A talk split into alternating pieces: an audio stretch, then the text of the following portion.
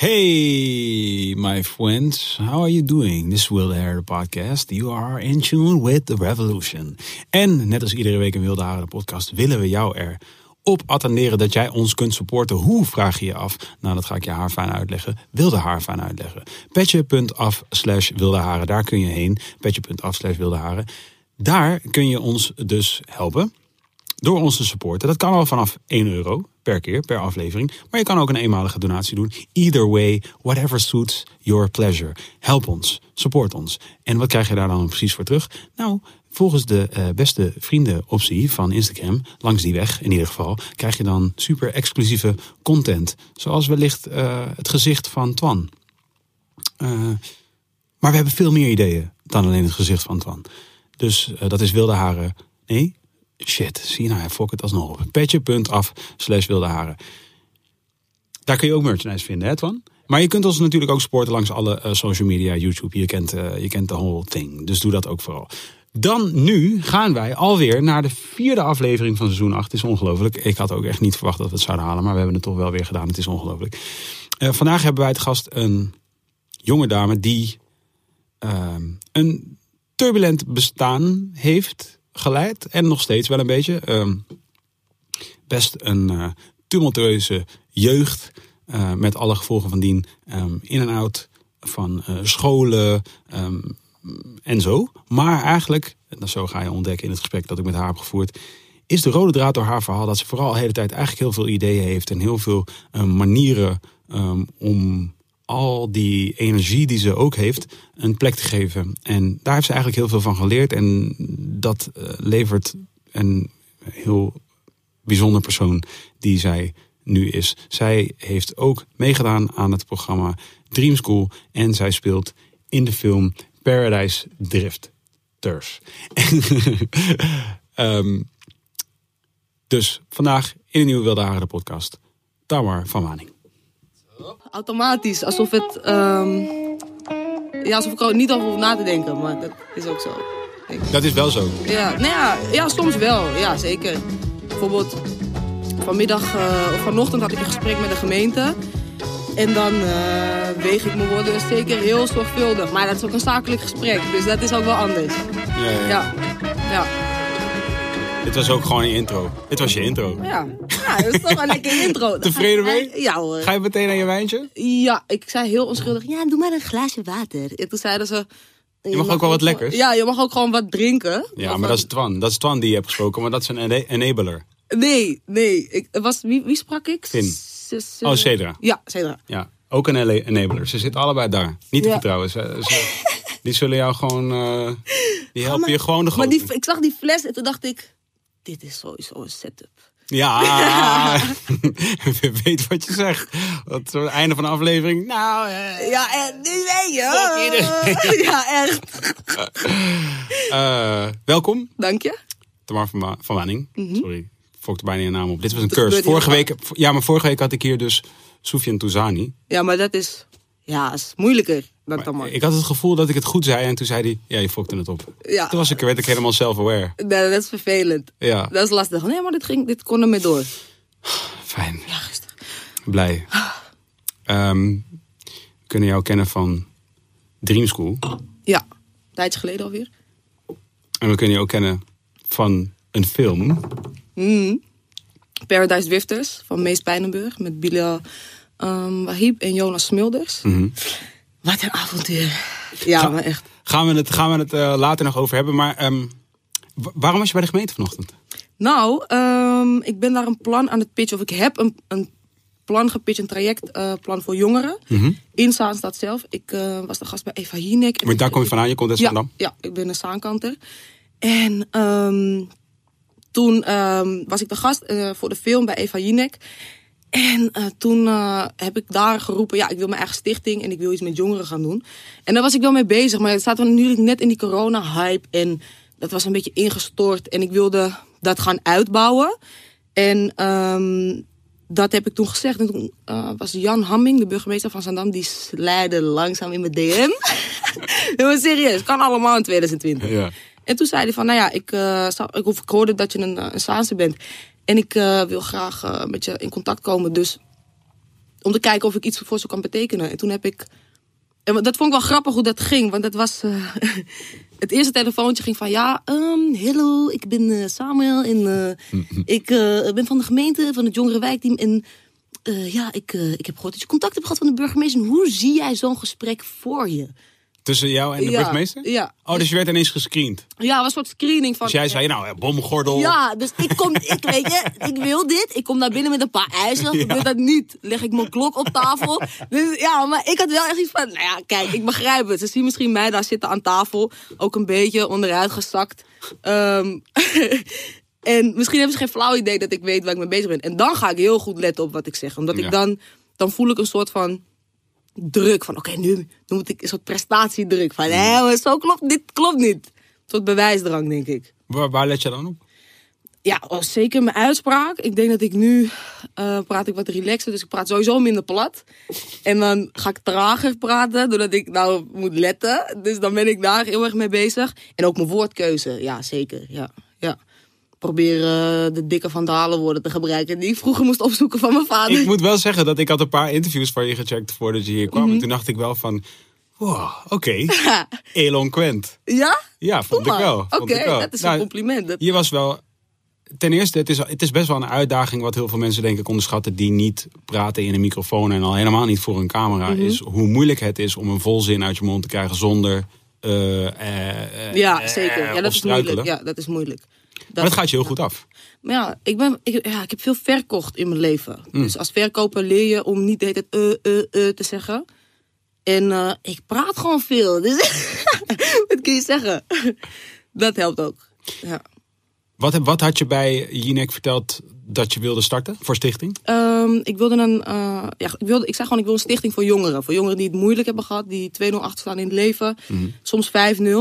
En ehm, wat ik wil is, eh, zo heb ik het ook gepitcht bij de gemeente, ik wil een bepaalde groepsidentiteit creëren door middel van sport en acteren, dus rollenspellen.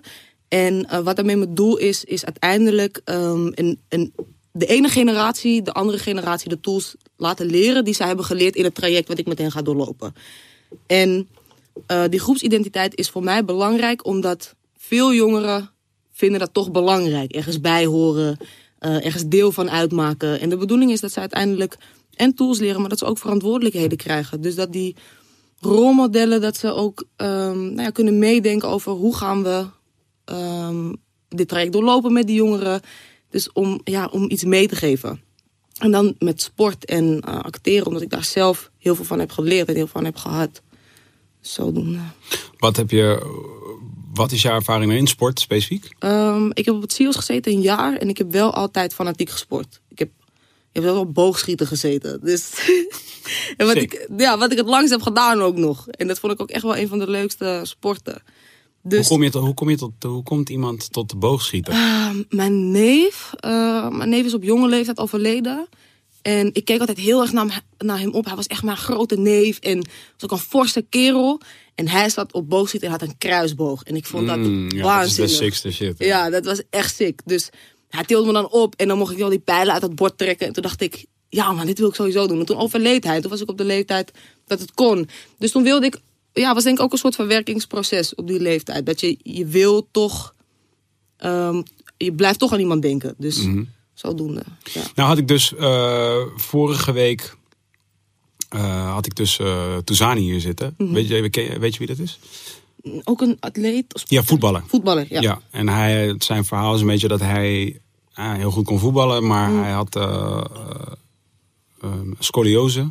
Dus Dat is in je rug vergroeiing in je rug, ja. En eh, waardoor op een gegeven moment eh, hij geopereerd moest worden. Artsen zeiden dat hij eventjes niet op het veld kon spelen. En uiteindelijk was het eigenlijk gewoon van helemaal afgeraakt. Mhm. Klaar, en, zo, ja.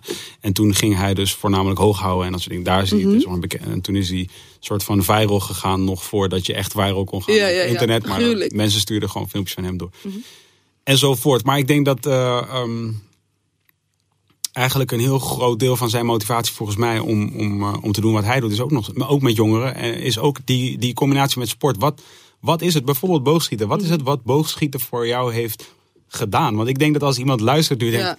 Boogschieten. Maar dat is toch, daar haal je Ja. toch niets uit, eh, weet je, Ja. karate of zo, Ja, je nee, snap misschien. ik. Ik ga ook niet met z'n boog schieten, gelukkig. Nee, maar wat voor mij... Kijk, ik ben altijd wel een, een druk en aanwezig kind geweest. En wat voor mij echt een uitdaging was, altijd al, was eh, concentreren.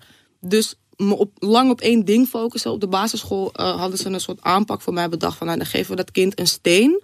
En als ze zich niet kan concentreren, moet ze naar die steen kijken. Nou, ik kan je vertellen dat die steen heel veel vaker door de klas vloog dan dat ik er naar keek. Dus ehm, wat, wat dat boogschieten mij heeft geleerd, is dat ik... Je kan niet, als je je niet totaal helemaal mentaal focust op een bepaald punt, kan je niet ehm, ja, aimen. Je kan niet richten. Dus ik moest toen heel erg letten op mijn ademhaling, mijn focus, mijn kijkgedrag. Ehm, ik moest ervoor zorgen dat ik niet te veel hoorde. En ik heb heel veel wedstrijden geschoten ook. Dus dan kan het allemaal niet. Het is best wel rumoerig om je heen. Want Ja. iedereen is bezig met pijlen, sorteren en gekkigheid. En hun boog spannen. En er wordt gekletst en veel bier gedronken. Dus, Ja? Jawel, ja, ja. Zijn wel suipers. Dat is ook wel goed, hè? Toch? Ja. Tenminste, een drankje is wel goed Het als je... haalt de scherpe randjes eraf. Toch? Ja, zeker. Brengt je hart, hart, hart, Ja. eh, hartslag een beetje omlaag. Ja, laten we alcoholisme gewoon lekker. Als er Ah. één boodschap is die we aan de jongeren willen overbrengen, zeker. is het nou, ontspan en eh, Drink ja. af en toe een glaasje. Wat, wat wil je, wat wil je, wat is jouw doel met het, met het, met het bedrijf, met de stichting? Wat zou je, wat, wat, waar ben je naar op zoek? Ehm, voor mezelf of voor anderen? Ja, dat weet ik niet. Ehm, nou ja, ik denk het, het eigen belang is voornamelijk... Ik was 16 en toen zei ik, ik ga eerst carrière maken. eh, en dan pas trouwen en kinderen. En ehm, dus het is ook, als je het hebt over het eigen belang... dat ik het heel belangrijk vind om eh, bepaalde dingen waar te maken voor mezelf. Ik zie niet eens, ik denk dat succes varieert heel erg per persoon. En eh, voor mij betekent dat iets neerzetten en wat ik achterlaat voor, een, voor mijn generatie voor een volgende generatie. Maar ook iets waar ik voldoening uit haal. En iets wat van mij is en waar ik over beslis. Wel met anderen, maar dat, dat is voor mij gewoon heel veel waard. En voor anderen wil ik ze nou ja, gewoon wat meegeven. En ik vind het eh, waanzinnig om met deze doelgroep te werken. En ik vind het hele interessante mensen. En er zitten echt ehm, hele mooie ruwe parels en diamanten tussen. Ja. Eh, Is, heeft, brengt dat iets specifieks, zeg maar, eh, werken met, eh, zoals je het nu omschrijft, eh, ruwe diamanten? Ehm, voor mij wel, ja. Ja, je, het is en een spiegel, want je, hebt het, je, moet er niet in gaan staan, naar mijn mening, als ik kom hier wat vertellen en jullie gaan wat van mij leren. Ik denk dat je erheen moet gaan, of hoe ik daarheen ga, naar elke locatie waar ik soms sta te lullen of eh, een traject doe, is ik ben hier met jullie en ik ga met jullie het gesprek aan. En wat jullie mij meegeven, ehm, dat ja, is, is, ligt in die open en vice versa ook. Dus ik ga daar niet per se heen met het doel om iedereen daar te inspireren, want dat lukt je toch niet. Dat, dat is gewoon niet hoe het werkt. En dat zou ook gek zijn, want dan zou ik iedereen ook naar de mond praten en dat moet je ook niet doen. Waar, komt waar komt het vandaan, die, eh, zeg maar, die kijk op zaken? Dus waarvan je zei, eh, ik heb sinds mijn zestiende altijd besloten, eerst en dit en dit en dan pas eh huisje, boompje, beestje. Die, die, dat ik dat eerst moet bereiken voor mezelf. Ja, en die definitie van succes die je net formuleerde. Waar, waar, is, waar is dat geboren? Ik denk en omdat we vroeger thuis niet veel hadden. En ehm, omdat ik... Ik kan niet stilzitten. Dat sowieso niet. Dus ik moet bezig zijn. Ik moet iets doen.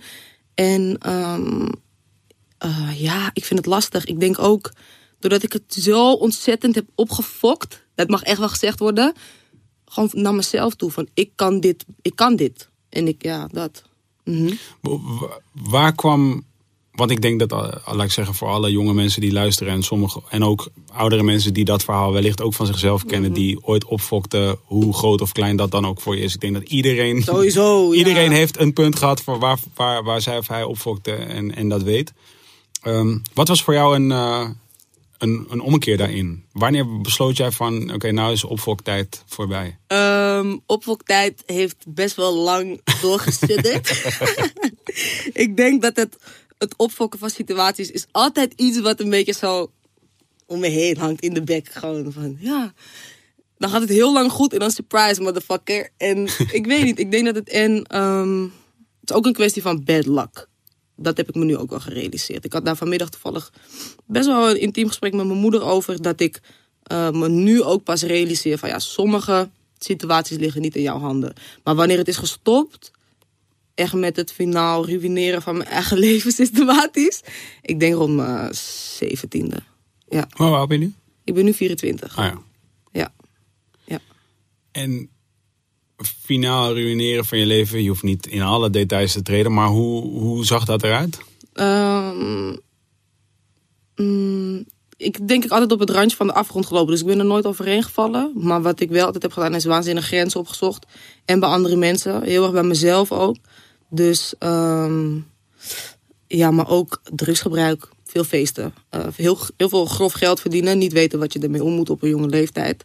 En eh, van heel veel scholen afgestuurd worden. En soms van traject naar traject. En ja, wel een eh, wisselende koers. Ja. En als je daar nu, eh, want, want je was ook al vroeg, dus, want als je zegt 17, was een omkeerpunt en daarvoor een hele lange tijd waarin Ja. je in opfokmodus was. Dat betekent dat je dus ook al vroeg aan je opfokmodus begon. Ja, zeker. Dat was eerste klas, middelbare school. Full on. Let's go. Amsterdam, hier om de hoek, eh IFCO. Ja. Dat, was je, dat was de start. Dat was de start. Oh ja, want je vertelde net voordat je hier binnenkwam, zei ik, ik zat hier in de buurt Het is allemaal hier in deze straat. Dat was ook de steen, of de steen was op de basisschool. Nee, dat was de basisschool. ja. Dat was de basisschool, ja. ja. Doen ze dat? Geven ze je dan een Dat steen? is, ja, dit is... Ze doen dingen in het onderwijs met kinderen ehm, waarvan ik af en toe denk... Jongens, waarom? Waarom doen jullie dit? Ik heb stage gelopen op een ehm, basisschool, speciaal onderwijs. Met twee ehm judo-leraren. En het was waanzinnig interessant. Ik deed daar niks hoor, ik keek alleen. En dat is soms de beste positie die je kunt hebben, naar mijn mening, in de situatie. Gewoon observeren. En we hadden sowieso een mailtje gekregen en dat was doorgestuurd naar mij. En er stond in van ja, wat is de beste manier om een kind niet te voorkomen om hem uit de klas te krijgen, maar om uit de klas te werken. Dus wij hadden echt zoiets van, ja, wat verwachten ze dat we komen doen? Dat we ze gewoon een paar judo-grepen gaan leren. En dan, Oh, letterlijk fysiek uit de klas. fysiek uit de klas, als het Oh. niet meer ging. Oh ja. Moet je wel denken aan, eh, zeg mensen waren autistisch en wel zware gedragsproblematiek. Maar dat wil je voorkomen. Je moet echt denken vanuit, daar wil ik niet naartoe. Nee, niet nee. wat gaan we doen met die situatie. Dat, is niet, dat is niet de volgorde. Dus ja, dat soort dingen doen ze in het onderwijs. Kijk, wat was het nou wat was het uiteindelijk? Het, als in, Welke, wat was de houding? de houding. Dat is eh uurtje factuurtje, als je dat wil weten. Dat zei. slash Mm. hoe werk je een kind de klas uit? Ja, ja. En ook ja, verbaasd reageren dan, als we dan komen van... nee jongens, we gaan voorkomen dat dat gebeurt. Het is niet de bedoeling. Het is niet oké als dat moet. Dus eh, ja. Je zegt, eh, je vroeg je dan af waarom is het onderwijs zoals het is. Dat is een onderwerp wat, weer, wat hier vaker aan bod is gekomen. Ja, ook, ik heb wel wat dingen ja, verschillende generaties van mensen ook. Want bijvoorbeeld, ik had niet bijster lang geleden hadden we Erik van Muiswinkel. Ik weet niet of je weer. Ja. Dat is de, de, de, de eerste hoofdpiet. Ja, ja, ja. De originele hoofdpiet. Hij was, hij was hier ook te gast. Met hem heb ik het ook best wel, uit, best wel lang over onderwijs gehad. En met meer mensen. Mhm. Omdat er dus ja, over het algemeen wel een beeld bestaat van onderwijs. Van er klopt het een en ander niet aan. Maar jij hebt je dus ook afgevraagd waarom. Ben je tot antwoorden gekomen inmiddels? Waarom dat zo is? Waarom, het niet, ja, waarom ze het doen zoals ze het doen? En, Ik denk, nou, het is een systeem wat al zo waanzinnig lang bestaat. En ehm, ik denk, ik heb ook zoiets van, ja, naar mijn mening is het, als jij een bepaalde doelgroep wil helpen of iets wil leren, moet je de doelgroep zelf laten meedenken over wat er belangrijk is en hoe je dat gaat doen. Doe je dat niet, dan ga, jou, ga jij ehm, jouw manier van leren ga je op, op een hele andere groep eh, neerleggen. Maar dat kan niet. En ik denk dat het, dat het gewoon een heel oud systeem is wat herzien moet worden. Wat gewoon al te lang bestaat. Mm. Ik denk daardoor. Want jij was zelf eigenlijk een van die mensen dus. de- Die een steen kregen en later waarschijnlijk. Ja. op de middelbare school dezelfde soort. Want je hebt op zeven scholen gezeten. Ja, bij elkaar, zoiets. Dus je bent, eh, je bent door het systeem gegaan. Ja, ja, ja. Eh, hoe was dat voor jou? Ehm, nou, ik heb een hele heldere herinnering van dat ik hier bij het IFCO de trap afliep. En dat ik me echt realiseerde van shit, ik moet gewoon weg hier. Al mijn vrienden en al mijn mensen in mijn buurtje. En ik was me echt thuis gaan voelen in, eh, in Amsterdam-Oost. En ik moest weer terug naar Zandam. En vooral die stap terug naar Zandam vond ik, vond ik heel kut. En dan, wat je dan krijgt is als je, als je iemand of iets plaatst in een eh, ja, gewoon benauwde situatie die je niet wil, dan ga je gewoon, dan gaat een kind zich toch raar gedragen. En daarbij speelt natuurlijk ook een thuissituatie die toen vrij turbulent was in, in mijn familie. Dus dan ga je weg met een soort rugzak en dan ja, kom je aan op de ene school en dan na twee, drie maanden krijg je te horen van ja, we willen dit kind niet meer in de klas hebben. Dan, dat, dat zorgt echt voor een motivatie die verdwijnt. En op een gegeven moment had ik zoiets van oké, dus het is zo makkelijk om tegen mij te zeggen van dat jullie me niet meer hebben. Dan ga ik me ook niet meer pleasend opstellen. Dan ga ik het ook op mijn manier doen. En mijn manier ja, resulteerde in zeven scholen. Ja, ja, ja. ja. Maar zou jij achteraf zeggen dat er wel een manier zou zijn geweest... of een methode zou zijn geweest om jou wel gemotiveerd te Ja, houden zeker. bij die les te houden? Ja, absoluut. Ja, ja. Sowieso was ik uiteindelijk was ik maatschappelijk werker zat. Dus als ik wist dat er eentje op school zat op mij te wachten om te praten over thuis of waarom ik er niet was geweest, dan zorgde ik sowieso dat ik niet kwam. Omdat het constant ging over eh, wat slecht ging en niet over wat beter ging of wat beter kon. Dus ehm, uiteindelijk heb ik eh, een, eh, een docent gehad en dat was pas op mijn laatste middelbare school. En zij zei tegen mij van, ik zie bepaald gedrag, maar ik, ik heb ook het idee dat het ergens vandaan komt. Want je, bent, je cijfers kloppen niet met je gedrag. Hoezo? Die waren eh, hoog? Ja, mijn cijfers waren gewoon goed. Ja. Eh, op enkele vakken naast was, kijk, je moet me niet vragen om eh, de tafels uit te rekenen of, of iets. Daar ben ik gewoon slecht in. Ja. Maar de rest was prima. Ja. Dus zij zei ook van, dat klopt niet, want je bent nooit aanwezig. Maar je redt het wel allemaal. En omdat zij niet de benadering had van, oh, het gaat allemaal slecht. Of wat, je doet dit fout. Maar gewoon keek van, ze dacht echt met mij mee. En ze wees me er ook op van, kijk, er, ik zie dat. Individuele Ja, aandacht. absoluut. absoluut. En dat, toen pas realiseerde ik me van... oh, dat was ook de laatste middelbare school. Daar heb ik mijn diploma gehaald. Vraag me niet hoe. Maar het is gelukt. En dat was gewoon... Ze zag mij als individu inderdaad. Ja. En niet als dossier. Ja, precies. En niet als een soort gemiddelde of een statistiek. Nee, nee, klopt. Ja. Ja. Ja. Ehm, ik weet nou even niet zeker of je nou mij hebt uitgelegd wat nou precies de ommekeer was. Die omkeer was... ehm, ik denk ook wel... Dat was op de middelbare school. Toen heb ik mijn diploma gehaald. Maar echt de omkeer van... ik wil wat anders met mijn leven. Was, dat was de vraag, toch? Ja, Ja, ehm, vind ik lastig. Ik denk dat dat net voor Dream School en net na Dream School, omdat ik daarvoor toch wel ehm, en nog werk deed wat ik niet leuk vond en niet naar school ging, totaal niet bezig was met mezelf en nog heel veel bloden. Eh, dus ik had geen dag- en nachtritme. En daarna realiseerde ik me echt van, ik doe alleen maar kutbaantjes. Ik ben na drie maanden verveeld omdat ik het dan snap en zoiets heb van ja, ik leer niks meer. Ik moet nu echt wat gaan doen. En toen ben ik gaan kijken. eh, en toen werd ik ook gevraagd voor gastlessen en dingen. En toen kwam de film ook. En eh, daar heb ik heel veel van geleerd. dit was dus allemaal om dat Dream School Ja, heen. ja, ja. Dus dat heeft wel een soort vuurtje aangestoken, wat uiteindelijk is gaan lopen. Want je zegt ook, je hebt grof geld verdiend, je hebt eh, verkocht, dat is wat je net vertelde. Ja, of nou ja, niet verkocht. Ehm, ik uh, uh, met grof geld verdiend op een jonge leeftijd. Ik was toen een jaar of 17 en toen werkte ik voor een restaurant in Amsterdam. En um, zij zaten best wel in de pokerwereld. En zij hosten pokergames, maar ook veel klanten daar. Die hosten die in Amsterdam. En toen had een van die gasten gevraagd of hij iemand kende. Of had een meisje gevraagd. En uh, toen had die manager van mij gezegd... nee, je moet Tam vragen. Want zij past wel in dat wereldje. En uh, in eerste instantie had hij gezegd van... ja, met die tattoos op de handen. En uh, toen ben ik daar super netjes heen gegaan. Helemaal in de kousen en de lak en de... Uh, weet ik het. En um, toen... Uh, dat motiveerde me opeens om gewoon heel hard te gaan werken. Want daar zag ik mensen met heel veel geld. En mm. ze speelden ook... Ja, het gaat ook gewoon om heel veel geld. Als jij een klein dametje... Um, 10k contant uit een tas ziet trekken... dan ga je ook echt wel nadenken over... oké, okay, wat wil ik met mijn leven? Dus toen ontstond denk ik die honger ook naar succes. Die werd wel groter. Ja. Ik denk niet dat er heel veel mensen zijn die nu luisteren... en die op hun 17 in een restaurant zitten... en een klein dametje, oud dametje, 10k uit een tas zagen trekken. Wat nee. doet dat voor iemand van 17? Nou, Wiens ja. hoofd al waarschijnlijk alle kanten op gaat... op dat ik, moment kijk, uitgepraat is met haar steen. Ik weet... kijk, ja, ik weet niet. Kijk, ik ben...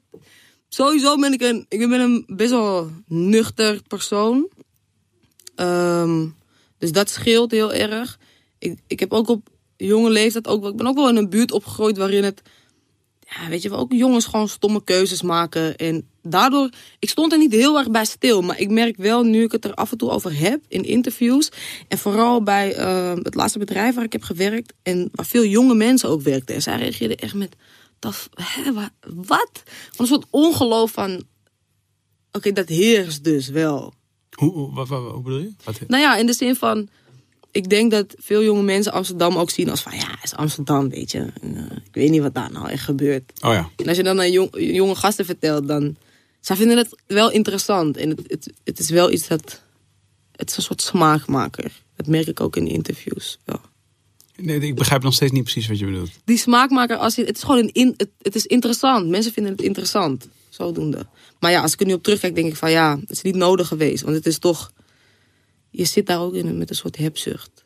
Toch? Mhm. Uiteindelijk. En- Maar je zegt ook, het triggerde ook wel Ja, om jou te laten ook- denken over wel. succes. En Ja. wat, het, wat het eigenlijk betekent. ja. En jouw enige conclusie was, dan zou ik zeggen, gelukkig niet Mhm. eh, geld alleen. Nee, klopt. Want je zegt nu ook van, het gaat ook om iets doen wat je leuk vindt. en Zeker, zeker. Maar ja, er wordt gewoon veel drugs gebruikt daar. En Ja. je werkt wel van 8 uur s avonds tot soms 1, 2 uur s middag. En dan ben je helemaal kapot. En dan moet je daarna nog je ding gaan doen, of weet ik het.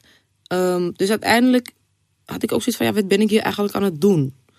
En het is ook een soort uitzichtloos bestaan. Dat die mensen die dat voor hun werk doen, hebben dat ook een beetje. Je verdient heel veel geld, maar de ene week is het ook veel meer dan de andere week. Ja, ja. En die continuïteit is voor mij wel belangrijk. ja. Die, die, eh, Die stabiliteit. Ja, Ja. toch? Die Ja, structuur. die structuur, ja.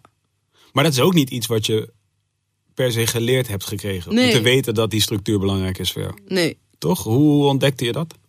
Nou ja, door gewoon het heel vaak op te Dus het is wel een terugkerend fenomeen in mijn leven.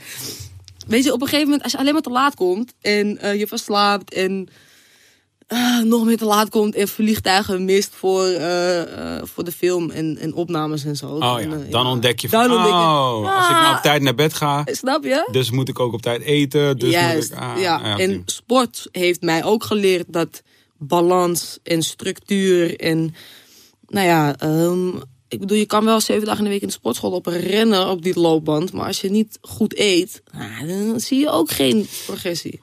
Papa, hoor je dit? ik had een discussie met hem van de week. Hij checkt altijd. Ja, ik had eigenlijk geen discussie. Eigenlijk, hij zei gewoon dat het onzin is. Ja, Ja, echt waar. is ja, sportschool is 20% en eh 80% is echt je voeding. Ja. Punt. Oeh. Eh, wat, wat deed je nog? Je deed nog een heleboel meer sporten, toch? Eh, ja, ik heb gevoetbald. Eh, een blauwe maandag. Niet heel lang. En verder heb ik op dansen gezeten, wedstrijd zwemmen, ehm, turnen. En dat was het, volgens mij. Ik, heb, ik weet niet waarom, maar ik heb iets gehoord over... Dat was namelijk iets wat heel erg bij mij triggerde. Maar dat je iets met een handstand... Iets met een handstand. Kan wel. Ik kan een hand, zeg maar, ik kan een, ik kan een handstand. Ik weet niet of dat nu is of dat dat eerder was, maar... kan. Nee, maar ik, ik heb een filmpje gepost van een soort handstand die ik maak op mijn Instagram. Maar dan is het is een yoga positie eigenlijk. Welke is het? Hele goede vraag, zou ik echt moeten weten. Ik heb een, als mijn Hindoestaanse tweede, tweede moeder. Maar, ja, ik heb in een Hindoestaans gezin gewoond een tijdje. Mm. Dus daar deden we heel veel aan yoga. Dat is voor haar wel een, ehm, een opdracht om mij aan yoga te doen. dus, Ja, daar kan ik me wat bij voorstellen. ja, ik ook, zeker. dus ik was dan laatst voor de verjaardag van een van haar koters. En eh, toen zei ze, als ik met jouw broer op stap ging... dan was het alsof ik een oud mannetje bij me had. En als ik met jou op stap ging... dan was het alsof ik een soort van wervelstorm zo aan mijn arm had. Dus ja, een mooie tijd wel gehad. Maar dat, do- doe je dat nog steeds, yoga? Ja, af en toe wel. Ja. Het helpt mij wel om eh, te ontspannen. Ja. het wel moeilijk. 15 minuten, max. Is- Wat, oh ja, hier, zien, hier zien we het. Juist. Ja. Dus het is een. Kijk, je zet je ellebogen neer Ja. op de grond. Ja. Of, en dan ondersteun je met je ellebogen je hoofd. Ja. En dan heb je een soort handstand. En dit Ja, is ja, sick. Wow, wel gek. Soort. Ja. Ja, die, die, hier zal jouw eh, dans, als jij zegt dat je hebt gedanst, zal hier ook wel helpen. Wie weet. Maar ik heb ook geleerd op mijn sportopleiding. En dat vond ik waanzinnig interessant. Is door mijn lichaamsbouw heb ik gewoon heel veel balans. Oh ja. Dus we moesten een soort circusopdrachten doen. En ik was echt geen uitblinker met gewoon de normale sporten. Dus mensen konden waanzinnig goed voetballen. En ik hing zo van, ik haalde wel, maar niet helemaal. Zeg maar wel in het midden van, oh ja, Tamara staat een soort van spek en bonen dat te doen. Maar met bijvoorbeeld touwklimmen en balansoefeningen en... ehm, Boogschieten. boog- boogschieten. En ehm, eh, eh, buitensport met wanden beklimmen. Daar ben ik heel goed in. Omdat je- daar heb je voor al die dingen heb je best wel veel balans nodig. En door, door hoe ik ben gebouwd, als een soort vierkantje, zo'n blokje, gewoon ja, meer balans. Ja, ja, dat is de center point of gravity. geloof Ja. ik, Zo'n soort achtig woord. Ja, dus vandaar. eh. Dat is wel fijn. Ik zag toevallig nu net iemand in de comments zeggen... eh, Tamar, hoeveel verborgen talenten heb jij wel niet? Eh, kan. Hoeveel verborgen talenten heb je? Wat, wat, wat- Ehm, ja, weet ik niet. Ik vind het gewoon heel veel leuk om te doen ook. Ik denk dat ik een breed interesseveld heb. Is dat ook iets wat je herkent bij de generatie van nu? Zeg maar dat dat, dat iets is wat in de jongste eh, generatie meer aan de hand is dan in Ja. ik zeg, de generatie voor jou of die ja, daarvoor? ik denk het wel. Maar ik denk ook dat we, wij hebben gewoon meer toegang tot veel meer ehm, Informatie. ja, informatiebronnen. En ik denk dat dat gewoon heel erg meespeelt. En er is eh, zeker nu in corona ook meer tijd. Dat merk ik ook bij mensen. Mensen zichzelf nu helemaal aan het ontdekken.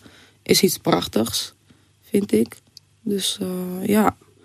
Hoe ontdek je dat? Wat, doen, wat, wat zijn mensen aan het doen? Of gewoon mensen in het algemeen? Ja, mensen in het algemeen. Weet je, iedereen is zijn huis opnieuw aan het, aan het, aan het behangen. Gekkigheid. Ja, dus eh, ik denk dat het ook wel echt wel van deze tijd is. En ook van deze generatie. Ja. Ja. Je zei ook trouwens ehm, eerder van... ehm, je had best wel een, een ingewikkelde thuissituatie. Hm. Hoe, ehm, hoe, hoezeer... Want als je dus... En je had zei ook trouwens dat je een gesprek hebt gevoerd met je moeder vandaag... wat een intiem gesprek was. Wat ging over van je hebt ook domme pech gehad of zo. Dat Mhm. Ja. zoiets zei je toch? Mhm. Is dat dan ook wat je bedoelt? Gewoon omstandigheden die, Ja. die niet in jouw eh, voordeel ja, werken? Dat sowieso.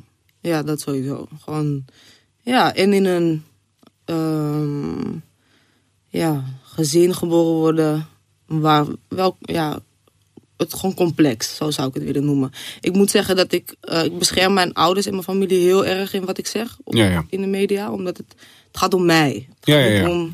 Om, hen. En ik denk dat het belangrijker is om te kijken naar waar ik naartoe ga dan waar ik vandaan kom. Maar ik begrijp ook steeds meer en meer dat ook dat proces kan mensen misschien helpen of inspireren.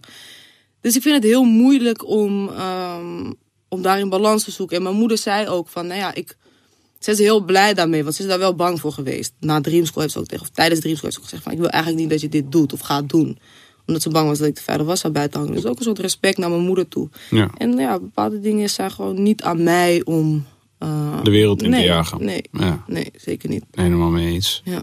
Eh, hoe- Dreamschool, hoe, hoe, hoe, hoe kwam het in de eerste plaats? Ja, gewoon zo'n impulsieve actie van thuis, helemaal stoned in bed op de laptop. Oh ja, helemaal. Dat vergeet ik ook steeds. Stoned. Nee, Daar wil ik het eerst over hebben. Want je hebt nu, volgens mij heb je nu al iets van vier, vijf keer Jonko genoemd. Ja. als iets wat niet per se eh, ehm, in jouw voordeel heeft gewerkt. Ja, Er is ook nog iets anders wat ik moet noemen. Kijk, ik, ik was ook zo'n jongen met een steen. ja. In zekere zin, nog steeds. Ik heb letterlijk altijd een steen bij me trouwens. Echt? Ja, ja, ja, serieus. Maar, maar eigenlijk toen je net zei steen, toen dacht ik... Is mijn steen eigenlijk? Echt, Ja, ja. heerlijk. Grappig. Eh, ehm, maar waarom dan die steen? Ben ik wel nieuwsgierig naar. dat, is wel, dat is een grappig verhaal. Ik heb ooit... eh, ik was op een gegeven moment ook... eh, ik denk, ik ben nu 39 toen ik, toen ik begin 30 was. Mhm. Of 32, weet ik niet, zo, zoiets. Was ik op een, een beetje eigenlijk klaar met een soort van... eh, waar de wereld heen aan het gaan was. Voelde ik niet zo heel erg meer. Maar dat is ook gewoon zo'n, je weet, existentieel crisisje Ja. momentje. Mhm. En ehm, eigenlijk eh, dacht ik toen van, oké, alles gaat zoveel over geld. En ik werd daar een beetje moe van. Ik, wou- of ik, en het was waarschijnlijk, viel het allemaal wel mee, maar ik beleefde het zo. Ja, Muziek maar ook bijvoorbeeld. als je ergens aan denkt, dan leg je er ook een vergrootglas op. Dus, Ja, precies. Weet je, en ik merkte dat specifiek, ik was zelf actief in muziek. Daar merkte ik heel erg van, oh ja, nu het gaat meer en meer gaat het over geld. Ja, Eh, ik ben er niet vies van, maar het zou nooit een motivatie voor mensen moeten zijn om, Nee. eh, om muziek te maken bijvoorbeeld. Dus ik voelde me niet meer zo thuis in die wereld. Toen was het, wa- eh, ja, daar was ik gewoon een beetje mee aan het worstelen voor een langere tijd. Toen uiteindelijk ging ik, eh, had ik besloten van oké, laat ik eens een keer een maandje. Ik was niet echt per se die, ik ga een jaar naar Sri Lanka-achtige kill. Maar ik dacht wel van laat me... Kennen. Ja, nee, dat, eh, dat, daar, was ik, daar, had ik ook, daar had ik ook geen zin in. En dat, Ik heb, ben altijd van mening geweest van je hoeft niet per se fysiek heel ver ergens heen te gaan om, om, om iets nieuws te leren. zeg. Ja. Maar ik dacht wel van laat me gewoon even een keertje, in ieder geval even wat tijd alleen doorbrengen. Van dat had ik nog nooit gedaan. Dus toen was ik even naar Barcelona gegaan een maandje. En eigenlijk, ik was daar gewoon alleen. En toen had ik daar gewoon eigenlijk een beetje, nadat ik daar een paar dagen was, besloten van oké, ik ga hier wel gewoon een beetje praten met mensen. Als ik zeg maar in een bakkerij sta Ja. ga ik praten met de bakker bij wijze van spreken. En ehm, zo raakte ik ook meer, aan, en meer en meer, dit komt allemaal terug bij die stenen. Ja, ja, ja. Eh, zo raakte ik ook meer en meer in gesprek met eh, daklozen. Want in Barcelona, Mhm. anders dan in Nederland. eh, In Nederland heb je heel veel van die soort no-go zones. Of van die, Mhm. toch? Van die daklozen mogen in Nederland niet overal zijn. Nee. En, ehm, maar Barcelona dus bijvoorbeeld wel. Parijs ook, weet je. Van die zijn Ja, gewoon overal. overal. Ja. En dus, in- dus, dus we waren in Barcelona ook. En af en toe was ik gewoon, ja, was ik gewoon nog s'avonds laat, was ik gewoon in mijn eentje een beetje over de straat aan het slenteren. Gewoon chillen. En dan, Maar die sfeer is daar ook heerlijk. ja. Die sfeer is top. precies. Iedereen zit lekker zo aan. warm. Ja. Zelfs de daklozen heb je daar niet direct zoveel medelijden mee. Ja. Hier denk je echt, ah, chillen, ja, fuck your ook life. Maar daar zit echt gewoon Ja. oké, ja, inderdaad zit gewoon een keer wel relaxed. En dus die vragen dan om peukjes of zo, toch? Mhm. Dus dan soms dan was het gewoon van, eh, eh, die heeft een sigaret. En dan gaf ik iemand een peukje. En dan, en dan, zei, en dan eh, zei ik zo van, nou, kan ik hier ook zitten? En dan zeiden ja, ja, is cool, gewoon bankje of zo. Ja. Nou, dan ging ik gewoon peukje roken. En dan Mhm. ging ik gewoon kletsen. En toen besloot ik die verhaaltjes. En eh, had ik toen gewoon op mijn Facebook gezet. Gewoon, Ja. Ik had gewoon een paar gesprekken gehad met wat daklozen. Ja. Had ik gewoon verteld Ja, maar is ik... toch vreemd? Want het zijn, toch, Ja. het zijn altijd mensen met een verhaal. Ja, honderd. Ja, ja, ja, ja, ja, zeker. Ja, Hele dat- Het interessante zijn altijd verhalen. films. Het zijn altijd, zeker, ja. zeker, zeker. Dus dat was ook gek. En eh, ik kan me herinneren in één geval bij één gozer die... die eh, dat was echt zo'n je Castaway van Tom Hanks, die film dat hij in een Ja. vliegtuig neerstort Ja, en dan uiteindelijk die baard... juist. Ja, zo, zo'n guy. Zo'n guy. Oké, duidelijk. Maar zeg maar een guy het? waarvan, waarvan ik dacht van... Ja, hij was zo'n guy waarvan je denkt, als jij scheert en gewoon je haar... Ben je dan, ben je, Gewoon, dan ben je gewoon ineens weer helemaal gewoon deze normale persoon. Ja. Hij had nog niet die rotte tanden ben- of iets. en zijn verhaal was dan wel... Hij was ook een of andere CEO. Dat was dus de grap. Nee, dat viel, nee, dat viel wel mee. Maar ja. de grap was meer dat, dat, dat, dat ik had eigenlijk verwacht... oké, als ik dus mensen heel veel aandacht ga geven... en gewoon vriendelijk met ze. Zo, Ja. dan gaan mensen met mij willen praten. Maar het is natuurlijk ook onzin om te denken. Want uiteindelijk zijn deze mensen denken ook van... Hey, Fuck off, ik zit hier gewoon rustig allemaal bier hier. Allemaal met rust hier. Je- ik ben geen project. Juist, Ja, dat, dan ja. laten we het rust. Ja. Dat is cool. Dus op een gegeven moment zei ik tegen deze guy... Ik zei, wil je nog een peukje? Hij zei, nee, no. Maar ik ben Nee, gewoon- Gewoon laat me met rust, man. Ga weg, man. Anyway, dat was, was ook al voor mij een soort. Dat was ook al eigenlijk al wel lauw. Omdat ik toen ook ineens bij mezelf dacht: van ja. Net zozeer als dat ik klaar ben met shit. Iedereen kan klaar zijn met Ja. shit. Snap je? Maakt niet uit van: oh, ik heb niks, dus ik ben nooit klaar met iemands aandacht. Jawel, als je niks hebt, ben je ook gewoon klaar met Ja, mensen. klopt. Dus ik ontdekte daar gewoon wat dingen, simpele dingen, maar die op zich wel gewoon leuk waren. En ik Ja, dacht: laat me het opschrijven. Ook, ook meer met een soort, net als nu, een soort zelfspot. Zo van ja, ik dacht gewoon van: ik ga nu iets heel goeds doen. En Ja. uiteindelijk ben je gewoon een, een Nou, knakker. het gaat vaak ook gewoon om die intentie. Ja, ja, ja, Dus is dat ook. sowieso. Ik bedoel, soms sta ik ook voor een groep met jongeren te lullen. En dan kijken ze me aan en ik zeg, wat de fuck heb jij het allemaal Ja. over? En ik voel me dan die hele ervaring. Ja, maar, ja, maar dat weet je niet. Dus Kom, ik kom je. Ik, zal ik je redden? Ja. Zal ik je even redden? kom, geef me je hand. Ja. Ja. Ga, ga weg. Jij bent oud. Jij bent, jij bent ook. Maar de steen. Ik, de, Oh ja. Juist. Dus had ik een paar van die verhaaltjes getypt. Nou, dat was wel gewoon grappig. En toen, toen kreeg ik dus een bericht van een dame uit Rotterdam. Mhm. En die werkte op een plek waar daklozen. niet per se dagbesteding, niet, niet per se gewoon random dagbesteding, maar meer, het was eigenlijk een soort, zo, zo, zo, zo eh, ehm, kwam het op mij over, het was eigenlijk een soort, soort dorp, soort dorpje, waar ze allemaal eh, dingen hadden, waar, ze ook, waar ook geld mee werd, verdiend. Ja. Dus er was een bibliotheek, er was een plek waar fietsen werden community opgeknapt. of zo. Ja, een soort klein community waar dus daklozen konden werken. Ook eh, gewoon echt voor geld. Ehm, ja, en waar gewoon de Rotterdamse lokale mensen daarheen Ja. kunnen komen om dus bijvoorbeeld je fietsband te laten plakken. Mhm. of, eh, of whatever. En ehm, gewoon kleine dingen die, ja, die je net zo goed dan kan laten doen door mensen die dat geld echt nodig hebben, zoiets. Mhm. En ehm, misschien als de dame in kwestie nu luistert en ik leg het niet goed uit, mijn excuses, maar dat is ongeveer hoe ik het heb opgeslagen. En zij had mij een mailtje gestuurd van, hey, ik had je die post gelezen, wat tof. En er zijn niet zo vaak mensen die aandacht besteden Ja, aan daklozen random. op die manier gewoon randomly, omdat ze gewoon hebben bedacht van ik wil daar wel aandacht aan besteden. Dus toen zei ze, lijkt je leuk om een keer langs te komen. En ik ben dan, daar geloof ik wel in, van als iemand je vraagt om een Ja. keer ergens te komen, dan moet je daar ook heen gaan. Ja, dat ja, is, absoluut. ik geloof dan dat dat is iets groters. Zeker. Ja. Toch? Ja.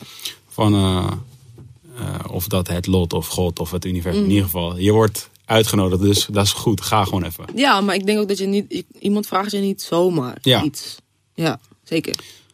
Dus ben ik daarheen gegaan, rondleiding gekregen en aan het eind kreeg ik een steen. Oh, dat is En hem. eh, dat was dus, en dan, eh, dus, eh, nou, volgens mij, in, als je bij een Hindoestaans gezin thuis, daar ligt volgens mij ook wel regelmatig van dat soort Mm. Alles. stenen en, en. Zoveel. mineralen Zo, en dat is kristallen echt en allerlei Wat een feest. Ja, toch? Dus, Zo, heel dus- veel beeldjes ook. Ja, ja, ja, ja. Veel, Kleden, eh, veel rood. ja, Veel eten ook. ja. Mooie welkomstigheid. Kruiden. Zo, curry. En hoe? Curry en peper. Ja. Kan je ermee dealen? Ja, zeker. Ik hou van pittig eten. Ik hou sowieso van eten. Ja, zeker. Dat, ik, ik heb hele goede genen, maar anders zou ik niet in deze stoel passen. zeker. En hoe is het met je conditie? Gaat dat ook? Nou, ehm, gaat beter. Ik rook niet meer. Ehm, nou, moet ik, liegen. ik moet niet liegen. Ik heb een half jaar niet gerookt. En na een half jaar komt bij mij altijd... Kijk, ik heb gewoon heel lang in een koffieshop gewerkt. En heel lang gewoon... Iedereen om mij heen bloot, dagelijks. Dat, dat hoort gewoon erbij. Maar ik heb ooit een keer gehoord van, ehm, van iemand... eh, die zei van... Ja, mijn- al mijn vrienden die zijn gaan doorroken, behalve ik. En... eh, als ik nu met ze praat, dan klinken ze echt dom. En toen dacht ik bij mezelf, niet toch, dat wil ik niet. En toen zei ik, 24 is mijn laatste levensjaar dat ik rook, vast. En toen dacht ik vorige week, fuck it. En ik kom altijd tot dat punt. En ik realiseer me dan altijd na één of twee weken van, je bent gewoon een junk. Gewoon niet meer doen, niet meer blowen. Blijf gewoon met je verslaafde tengels van die shit af. Gewoon niet doen. Dus eh, mijn conditie is het is oké, ja zeker. Ik heb laatst ehm, op de loopband gerend, best wel hard. En dan hou ik het wel gewoon echt wel een tijdje vol. Mm. Maar je moet mij niet vragen om een marathon te gaan lopen of zo. Want dan ga ik echt bij de eerste afslag de koffieshop in. Dat vind ik gewoon kut. Ik vind duurlopen gewoon doodsaai en kut. Ja. Ik ben te druk in mijn hoofd daarvoor. Ik Ja, moet ja. echt wat doen, anders gaat het helemaal fout. Oh ja, oké. Dat zou dus- dus- Ja, oké. Boos, ja, ja. Hey, en, en, eh, eh, want dus je bent aan de ene kant een soort. eh, leg de jonko weg Ja. stem. Jazeker. En anderzijds ben je een soort van. Fuck it. Wel leuk soms. Zeker, absoluut. Ik denk ook wel dat die balans ehm, belangrijk is in je leven. Mhm. En ik denk ook dat ik heel erg tussen het uiterste zit. Tussen fuck it, we gaan gewoon all in en helemaal niks. En dat, ja, ik, dat tekent ook wat keuzes, denk ik, ehm, die ik heb gemaakt in mijn leven. En ik heb ooit een leraar gehad, was eh, echt nog steeds mijn favoriete docent. Was op het CIOS, meester Tom. Hij was vreed. Shout out meester. Ja, maar shout out, my guy. Dat is echt, ja, hij was echt geweldig. En eh, hij gaf sowieso heel goed les, maar hij heeft me ooit een keer apart genomen. Hij zei, weet je wat het is met jou? Jij moet gewoon accepteren dat jouw leven is een rollercoaster. En hij heeft het zo mooi uitgelegd.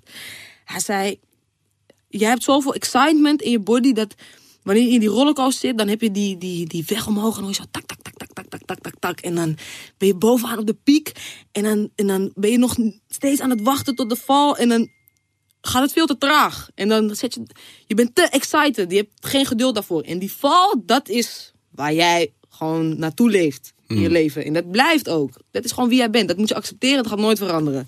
Toen hoorde ik dat zo en toen dacht ik, ja, hij heeft wel gelijk. Ben ik dat? Denk het wel. Ja, sorry. Mhm. Dus ja, ik vond het echt vreed hoe hij dat uitlegde. En toen realiseerde ik me ook, misschien moet ik me daar ook bij neerleggen. Dat ehm, die stabiliteit, en die- wat, ik, wat ik net benoemde, dat het misschien niet helemaal voor mij is. En ik denk voor heel veel mensen werkt dat niet zo. En zeker niet de millennials of de Gen Z. Oh, ja, nee, ze hebben allemaal gekke namen. Ben je al ben je Gen Z? Ben je. 1996. Volgens mij ben ik die millennial. Twan, wanneer zoek dat eens even op wanneer je een millennial af bent. Ik ben de eerste millennial, weet ik. Ja? Eh, 81. 81. Ja, dat was, dat was letterlijk de eerste millennial. Ja. Dus ik heb ook, ik merk Netjes. ook dat ik. Jij heb- hebt het gestart. Ik heb die. Ja, die sorry. start season. Sorry. Ik was bij de eerste Sesamstraat Youths. Het is tot vier- 1994. Oh, nee. Vanaf 81. Vanaf 81 tot 94. Oh, dus je bent al geen 96. millennial. Nee. 96. Oh, en, en wat, kennen, ken, wat ken, kenmerkt, eh, wat kenmerkt Gen Z? Eh, trek dat eens even hier op het scherm als je wilt, Twan. Ja, ik ben ook wel... Ja, die. Juist. Veel schermen. Ja. Moeilijk. Oh, infographics. Oh shit. Alsof het nooit zou komen. Ja. Maar wat, wat zou je zeggen, is, wat is het grootste nadeel van de Jonko? eh, terwijl we wachten op deze eh, informatie. Je wordt... ehm, kijk, het voordeel vind ik wel... Ik word er... Kijk, dit is poker. ja, zag je wat hier gebeurde? Dit was die snelle switch naar... Luister jongens. Ik kan je niet vertellen wat er slecht aan is. Maar, Ah, kijk, maar, kijk, ja. ten eerste, ehm, je gaat er niet dood aan. Ja. Nee, maar dit moet niet een soort van eh, pro-campagne worden. Want dan moet ik over een paar maanden moet ik zeggen, jongens, geen drugsgebruik. En dan gaan ze deze podcast luisteren en dan zeggen ze, luister, jongens, Toen zei je? Toen zei je. Gaat niet dood. Nee, oké, laten we beginnen met, je gaat er niet dood aan. En ik word er waanzinnig creatief van. En het maakt mij echt rustiger. Mhm. Dus ehm, het zorgt er voor mij echt voor dat ik me nou ja, beter kan concentreren. En soms mijn gedachten gewoon beter op een rijtje kan zetten. Want af en toe word ik gewoon helemaal panisch. Mhm. En dat was na dat stoppen met blowen. Want uiteindelijk, de, de, de keerzijde daarvan is dat je wordt en echt ontiegelijk lui. Ik word heel nonchalant ervan. Dus ehm, van mezelf doe ik gewoon typetjes, gekkigheid, stemmetjes. En mijn moeder die zei van, je kwam thuis en je was gewoon echt een fucking zombie. Oh ja. En mijn moeder is wel heel erg van, oké, ik zeg het tegen je, maar op een gegeven moment, omdat ze me ook kent, weet ze, ik kan beter gewoon het kind op de bek laten gaan. En ehm, dan komt ze er zelf wel achter. En op een gegeven moment dacht ik gewoon, nee, maar dit is het gewoon niet. Dit is het gewoon echt niet. Maar nog steeds denk ik toch dat het ook voor ehm, veel goede doeleinden gebruikt kan worden. Maar wel nou, gewoon niet elke dag. En echt niet elke dag. Ik denk Ja. dat dat niet goed is. Voor niemand. Ik ben een aanhanger van de theorie dat de maatschappij zoals die nu is vormgegeven slecht gaat met Jonko. Ja.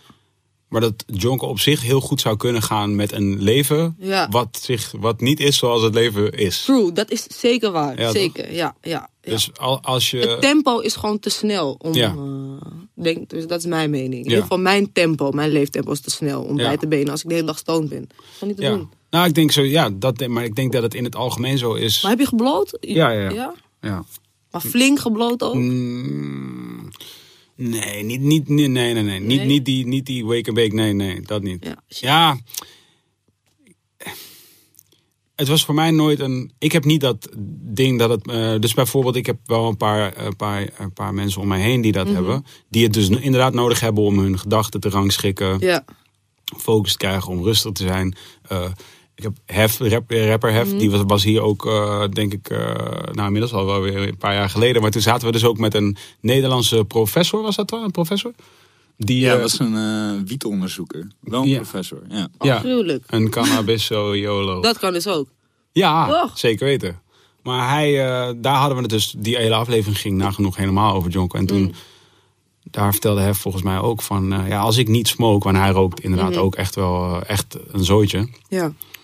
En hij zei ook gewoon van, als ik niet rook, dan, dan ja, dan ben ik gewoon één lijp wilde guy. Ja, Want jij zegt ook panisch. Wat, wat, wat houdt dat in? Wat betekent dat? Ja, niet panisch. Het Ja, dat zei niet je ik- Ja, oké. Ja, nee, maar soms, soms zeg ik gewoon dingen en dan moet je gewoon denken... Ja, Dan denk, moet je gewoon denken, ze heeft geen jonko gerookt. ja ze, heeft geen, ze is panisch nu. Nee, nee, nee. Ik denk panisch als in... Niet dat ik, dat ik paniekerig ben, dat absoluut niet. Ehm, maar wel gewoon aanwezig en niet weten wat ik met mezelf aan moet. En ik moet wel zeggen dat toen ik stopte... En dat is denk ik ook wel kenmerkend voor mensen die druk zijn en druk in hun hoofd. Toen dacht ik wel bij mezelf van, what the fuck. Ik heb gewoon, ik, ik kon mezelf gewoon even niet meer volgen. Omdat mijn hoofd zo snel ging, kreeg ik een soort, en dat noem je dissociatie. En dan ben je totaal niet meer in contact met jezelf en ook niet met de buitenwereld. Dus dan besta je maar een beetje. En dat vond ik wel, eh, vond ik wel heftig. Ja. Was echt wel dat ik een mentale toestand waar ik me echt niet chill bij voelde. Ik Nee. dacht, dit is gewoon niet oké. Dit, doet- dit doet die stof wel. Je moet echt weer terugkomen in, ehm, in je normale doen van laten. Mhm. Want je bloot natuurlijk constant. En je hersenen, je machine, zeg maar, je hoofd, dat noem ik vaak je machine, die, die is gewoon aan het werk. Maar als jij constant bloot, dat, dat blokkeert toch iets ergens. Ja.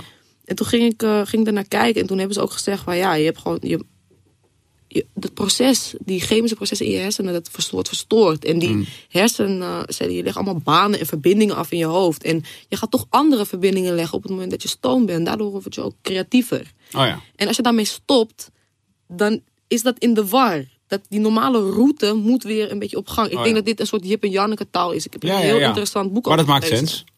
Ja, zodoende. En daarom, Welk boek? eh, is van, ehm, het heet Aandacht van Daniel de Huppel de Pup. Ik ben heel slecht met namen. Hij is een ehm, klinisch psycholoog en hij combineert zijn eh, onderzoek met neurologen.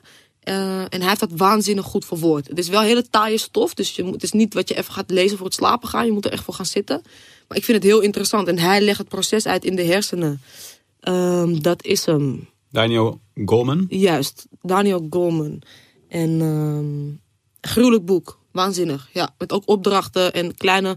Hij pakt je soms off guard. Dus dan ben je aan het lezen. En het, is heel erg gefocust dus op die aandacht. En hoe wij nu in deze generatie daar eigenlijk minder grip op hebben. Vroeger hadden we gemiddeld zeven eh, punten waarop we konden focussen. Tegenwoordig zijn dat er... ehm, of zeven dingen die ons afleiden in het dagelijks leven per dag. Tegenwoordig zijn dat er 26. Oh ja. Dus die hersenen die zijn zich nog aan het aanpassen aan alle technologie ja. en alle prikkels om ons heen. Maar eigenlijk zijn wij daar als. als eh, Als mensen nog niet klaar nee, zijn we gewoon nog niet klaar voor. Ja. En hij legt dat uit en dan ben je aan het lezen. En dan zegt hij van oké, oh, hoeveel punten van de eh, pagina kun je nu nog benoemen?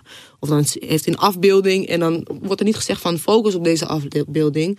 Maar dan de volgende pagina vraagt wat staat er eigenlijk op die afbeelding? En dan heb je geen flauw idee. Je hebt echt geen flauw idee. Dus je bent gewoon af en toe ben je dingen aan het doen. Als een soort Sims poppetje. Ja. Eh, je, je weet niet wat je aan het doen bent. Ja. Dat is heel interessant. Ik vind dat proces heel interessant. Ik sprak vanochtend een vriend van mij die heeft eh, vier kinderen. En hij vertelde dat, zijn, dat hij laatst zag dat zijn dochtertje iets aan het doen was.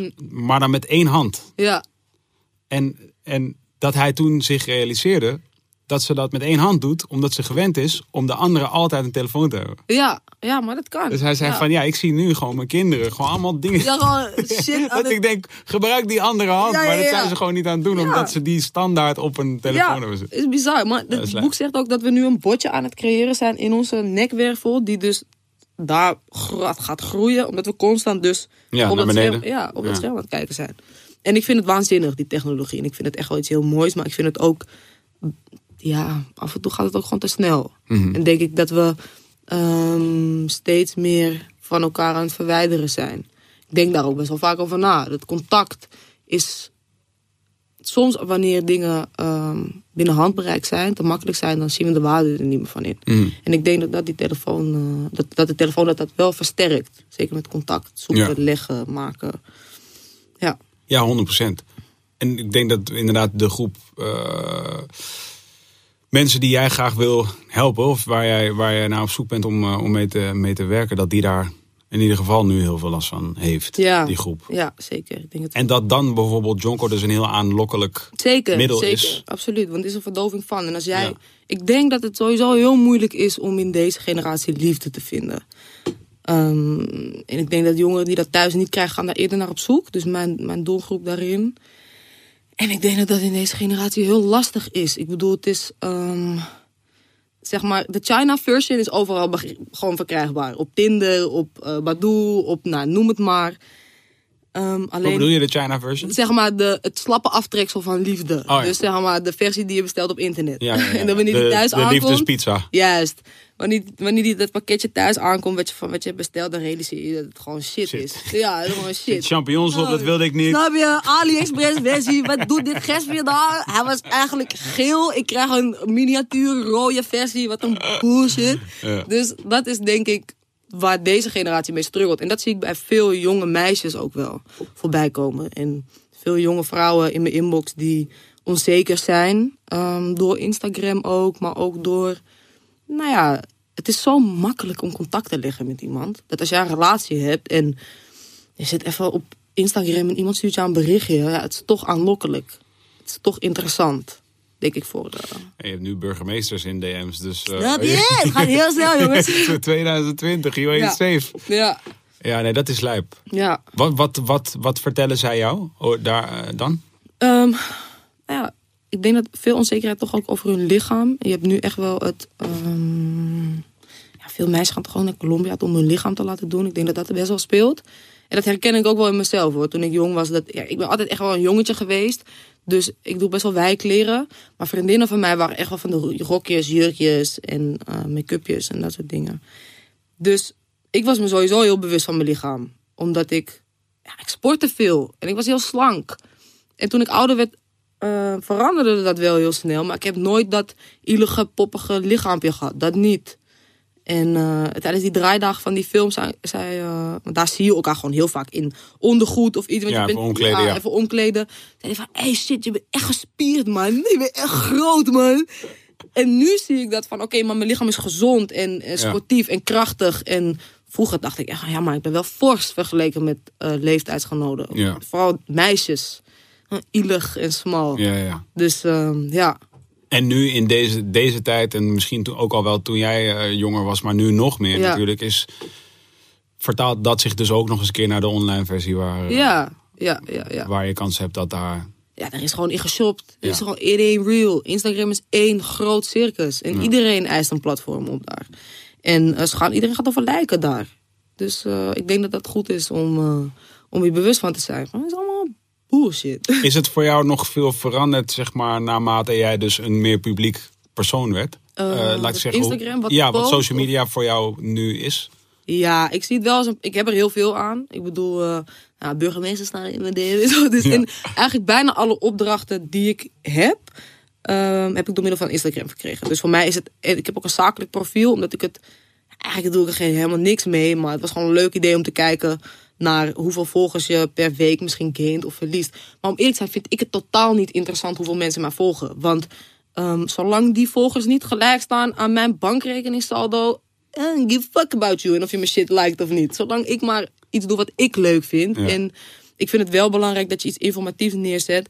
Maar ja, als ik bijvoorbeeld een filmpje wil maken en ik heb uh, een kort broekje aan of iets waar ik ook een ton van reacties van heb gekregen. Van dit is niet het soort platform waarop je dat soort filmpjes post, bla bla bla. Die, Film- die yoga? ja, die yoga, gewoon, dat is gewoon een boxer wat je aan hebt. Ik had ook een string aan kunnen doen. En ook al had ik die string aan kunnen doen, is mijn zaak. Ja, is ja. mijn platform. Dus mensen voelen zich ook snel entitled om dan dingen tegen je te zeggen.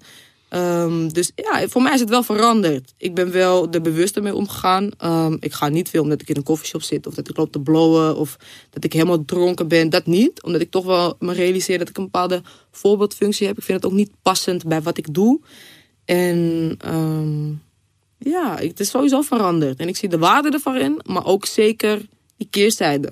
Absoluut. Ook voor mezelf. Ja. Ik wil trouwens nog steeds even zien dat over generaties het ben ik nu alsnog wel heel benieuwd naar. Hoe, wat, wat, wat, wat zijn we nou? Of nee, ik niet. Maar En ik moet wat ben echt jij? heel nodig plassen. Oké, is goed. Ga jij dat doen? Dan ga ik eventjes omschrijven aan de mensen thuis wat we hier... Uh... Even Je kijken. weet waar het is, hè? Deur uit, Ja. beetje naar rechts en naar links. Of niet eens beetje naar rechts. Ja, je, je vindt het wel. Je Het vindt is het. meteen daar gewoon. Ja, ja, ja. Oké, dit is sowieso wel leuk, Heetwan. Dit heb ik sowieso nog nooit gezien. Vet. Dus we hebben het over de Silent Generation slash Lucky Few. 18 1928 tot 1945. Nou, ik kan me voorstellen waarom zij de Lucky Few worden genoemd. Ik vind die onderste dramatischer. The Last Generation. Last Generation. Oh ja, van 1883 tot 1900. Geen idee waarom. En daarna de GI Generation. Ja, wat is, wat is GI? Is dat, hetzelfde, is dat de GI van G.I. Joe, zeg maar? Greatest Generation. Oh ja, dat, dat, dat ken, die ken ik ook, die term. Greatest Generation. Zeg me ook helemaal niks. Zal ik gewoon even uitzoeken wat dat, uh, wat dat betekent? Wacht even. Uh, meaning... Oh ja, je gaat het nu ook gewoon live. Dat, I like it. Voor als je luistert en niet kijkt, Twan is nu de uh, meaning van Greatest Generation aan het opzoeken. The Greatest Generation, also known as the GI Generation and the World War II Generation, is the demographic cohort following the Lost Generation and preceding the Silent Generation. The generation is generally defined as people born from... Ja, oké, dat is Ja, ze zeggen er niet echt heel veel over. Nee, waarom heet het zo, Kil?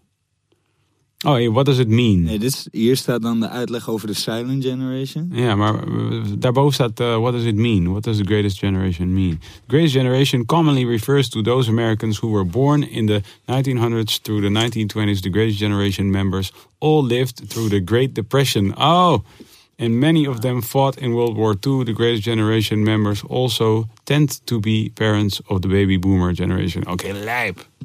Nou, zie je toch weer wat geleerd. Jij niet. Nee, ik heb het gemist. Maar we kunnen wel even nog kijken wat Gen Z dan is.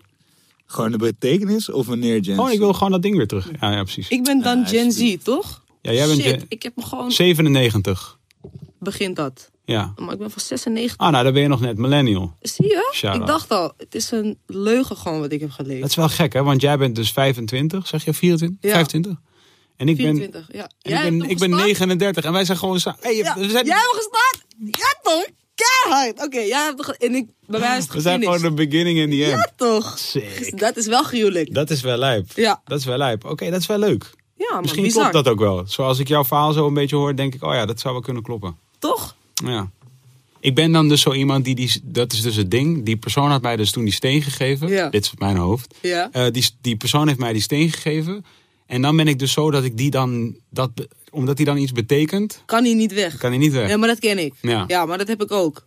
Ik ben een heel lang soort hoorder geweest van allemaal kleine dingetjes. Ja. En nu heb ik dat allemaal in één doos gestopt. Ah, ja. Steentjes en brieven en gekkigheid. En, maar het is wel leuk. Ik denk ook wel dat je dat... Dat, dat is toch waardevol? Mhm. Voor mij is dat wel heel waardevol. Sowieso, ik denk dat dat een van de weinige eh, fysieke objecten of fysieke ja, materie is die werkelijk waardevol is. Anders dan mensen, planten of dieren, zeg maar. Ja. Ik bedoel gewoon dingen die je Ja. kunt hebben. Kijk, oh, je- ik denk... Maar heb je het ook met geuren? Wanneer je iets ruikt, dat je denkt, oh shit, toen Tuurlijk. daar. Ja, Tuurlijk, het is het algemeens, denk ik. tuurlijk. Ja. Zeg maar, mijn, mijn, ik, ik, ik kom uit een, eh, uit een Molukse familie. En Mhm. dus mijn, mijn vriendin is, is, eh, komt uit een Indische familie. En dus mijn eh, schoonmoeder, die kookt nog steeds veel eh, Indonesisch eten. En dus dat betekent, dat is gewoon een lucht. Ja. Dat is een bepaalde Ja. kruiden, dat is een bepaalde hoeveelheid vet, wat overal in gebruikt wordt. Snap wat ik bedoel? Dat is zeg maar de, de, de opa en oma van mijn vriendin, die leefden eh, nog eh, lange tijd dat wij al in een relatie waren. En daar was ik dus ook vaak. En toen, zij, toen uiteindelijk oh, zeg maar, opa overleed en dat huis werd leeggehaald, haalden ze zeg maar gewoon een soort schilderijen van En toen zag je die contouren. Ja, ja, ja, maar dat ken ik, dat ken ik. Wij hadden het uit- dat ook vroeger thuis, maar dan met Nicotine. yes. I knew it. Yes. I knew it. Want dat was ook daar. Dat was ook daar. Ja, Dat was ook- je? Maar dat is dus bijvoorbeeld wat ze vroeger altijd zeiden. Een tevreden roker is geen onruststoker. Die ken je. Yes, die ken ik zeker. Ja. Dat geldt Ja. ook voor de jonko. Absoluut. Dat geldt ook voor de ja, jonko. absoluut. Dus van, ik, ik denk dat, en deze Wilde Haren, de podcast, eh, trouwe luisteraars kennen deze uitspraak, maar ik vind het toch altijd leuk nog even te zeggen. Ik zei vroeger altijd, ik ken mensen die jonko roken die niet skeer zijn, maar ik ken geen mensen die eh skeer zijn die geen jonko roken.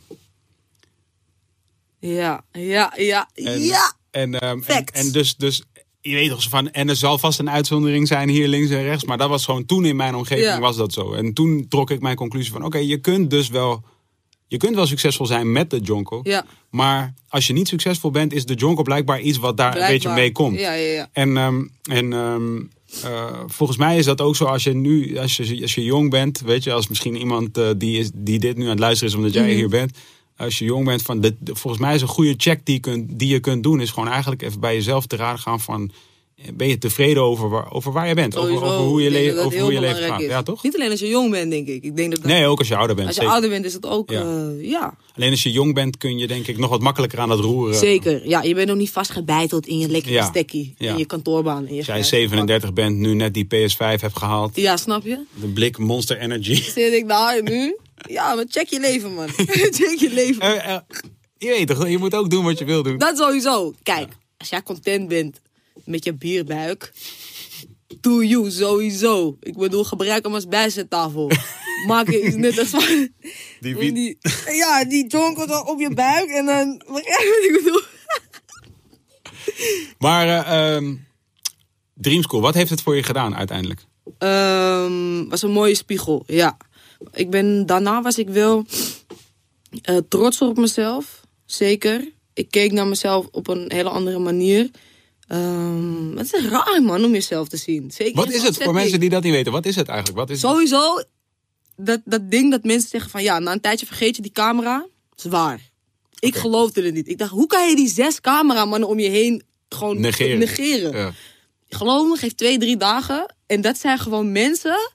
Zie het als je bent met z'n allen aan het chillen ergens. Ja. Zij zijn er gewoon toevallig random de hele tijd bij. En ze zeggen niks. Ze zijn een beetje die muurbloempjes en toeschouwers van de situatie. En soms zeggen ze wel dingen. Maar dat zie je natuurlijk niet op beeld. Of jullie zien dat niet. En ja, gewoon raar. Gewoon echt raar. Ik weet nog dat ik... Ik wilde niet kijken. Oh shit. Nee, oh we gaan geen shit. stukje kijken. We gaan nee, toch? Nee, maar voor mensen die niet weten wat. Dream School het programma is, Nee, wat, was- wat houdt het in? Ik, ik heb een soort trauma. Want elke keer als ik dat zie, dan hoor ik mijn stem. En dan hoor ik mezelf zeggen... Tering, wat een...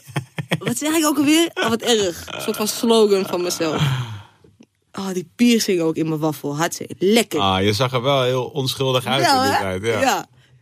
Niet maar- om te zeggen dat je er nu niet zeggen, onschuldig uit ben ik ziet.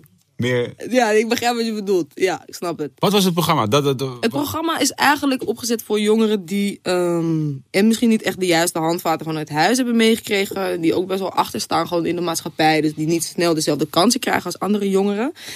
Ehm, om ze te motiveren om terug te gaan naar school. Maar ook om geïnspireerd te worden. Dat was het programma.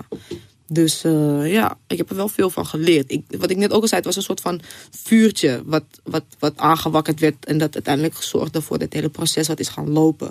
Had je dat verwacht toen je eraan begon? Nee. Ja, ja, ja en nee. Kijk, toen ik eraan begon, dacht ik gewoon... Wat de fuck ben ik hier aan het doen? Wat is dit? En nu moet ik wel. Ehm, maar ik had niet verwacht dat er zoveel uit zou komen. Ik had echt niet verwacht dat ik op een dinsdag hier zou zitten. Twee, twee drie jaar geleden. Ja, ja, ja. Wat is het nu alweer? Vier? Ja, Nee, tweeënhalf. Zoals ik al zei, die cijfers is moeilijk. Tweeënhalf jaar geleden. ik was 21, ik word nu 25. Dus Ja, het is echt wel shit. Ja. Tijd gaat zo snel. Ja.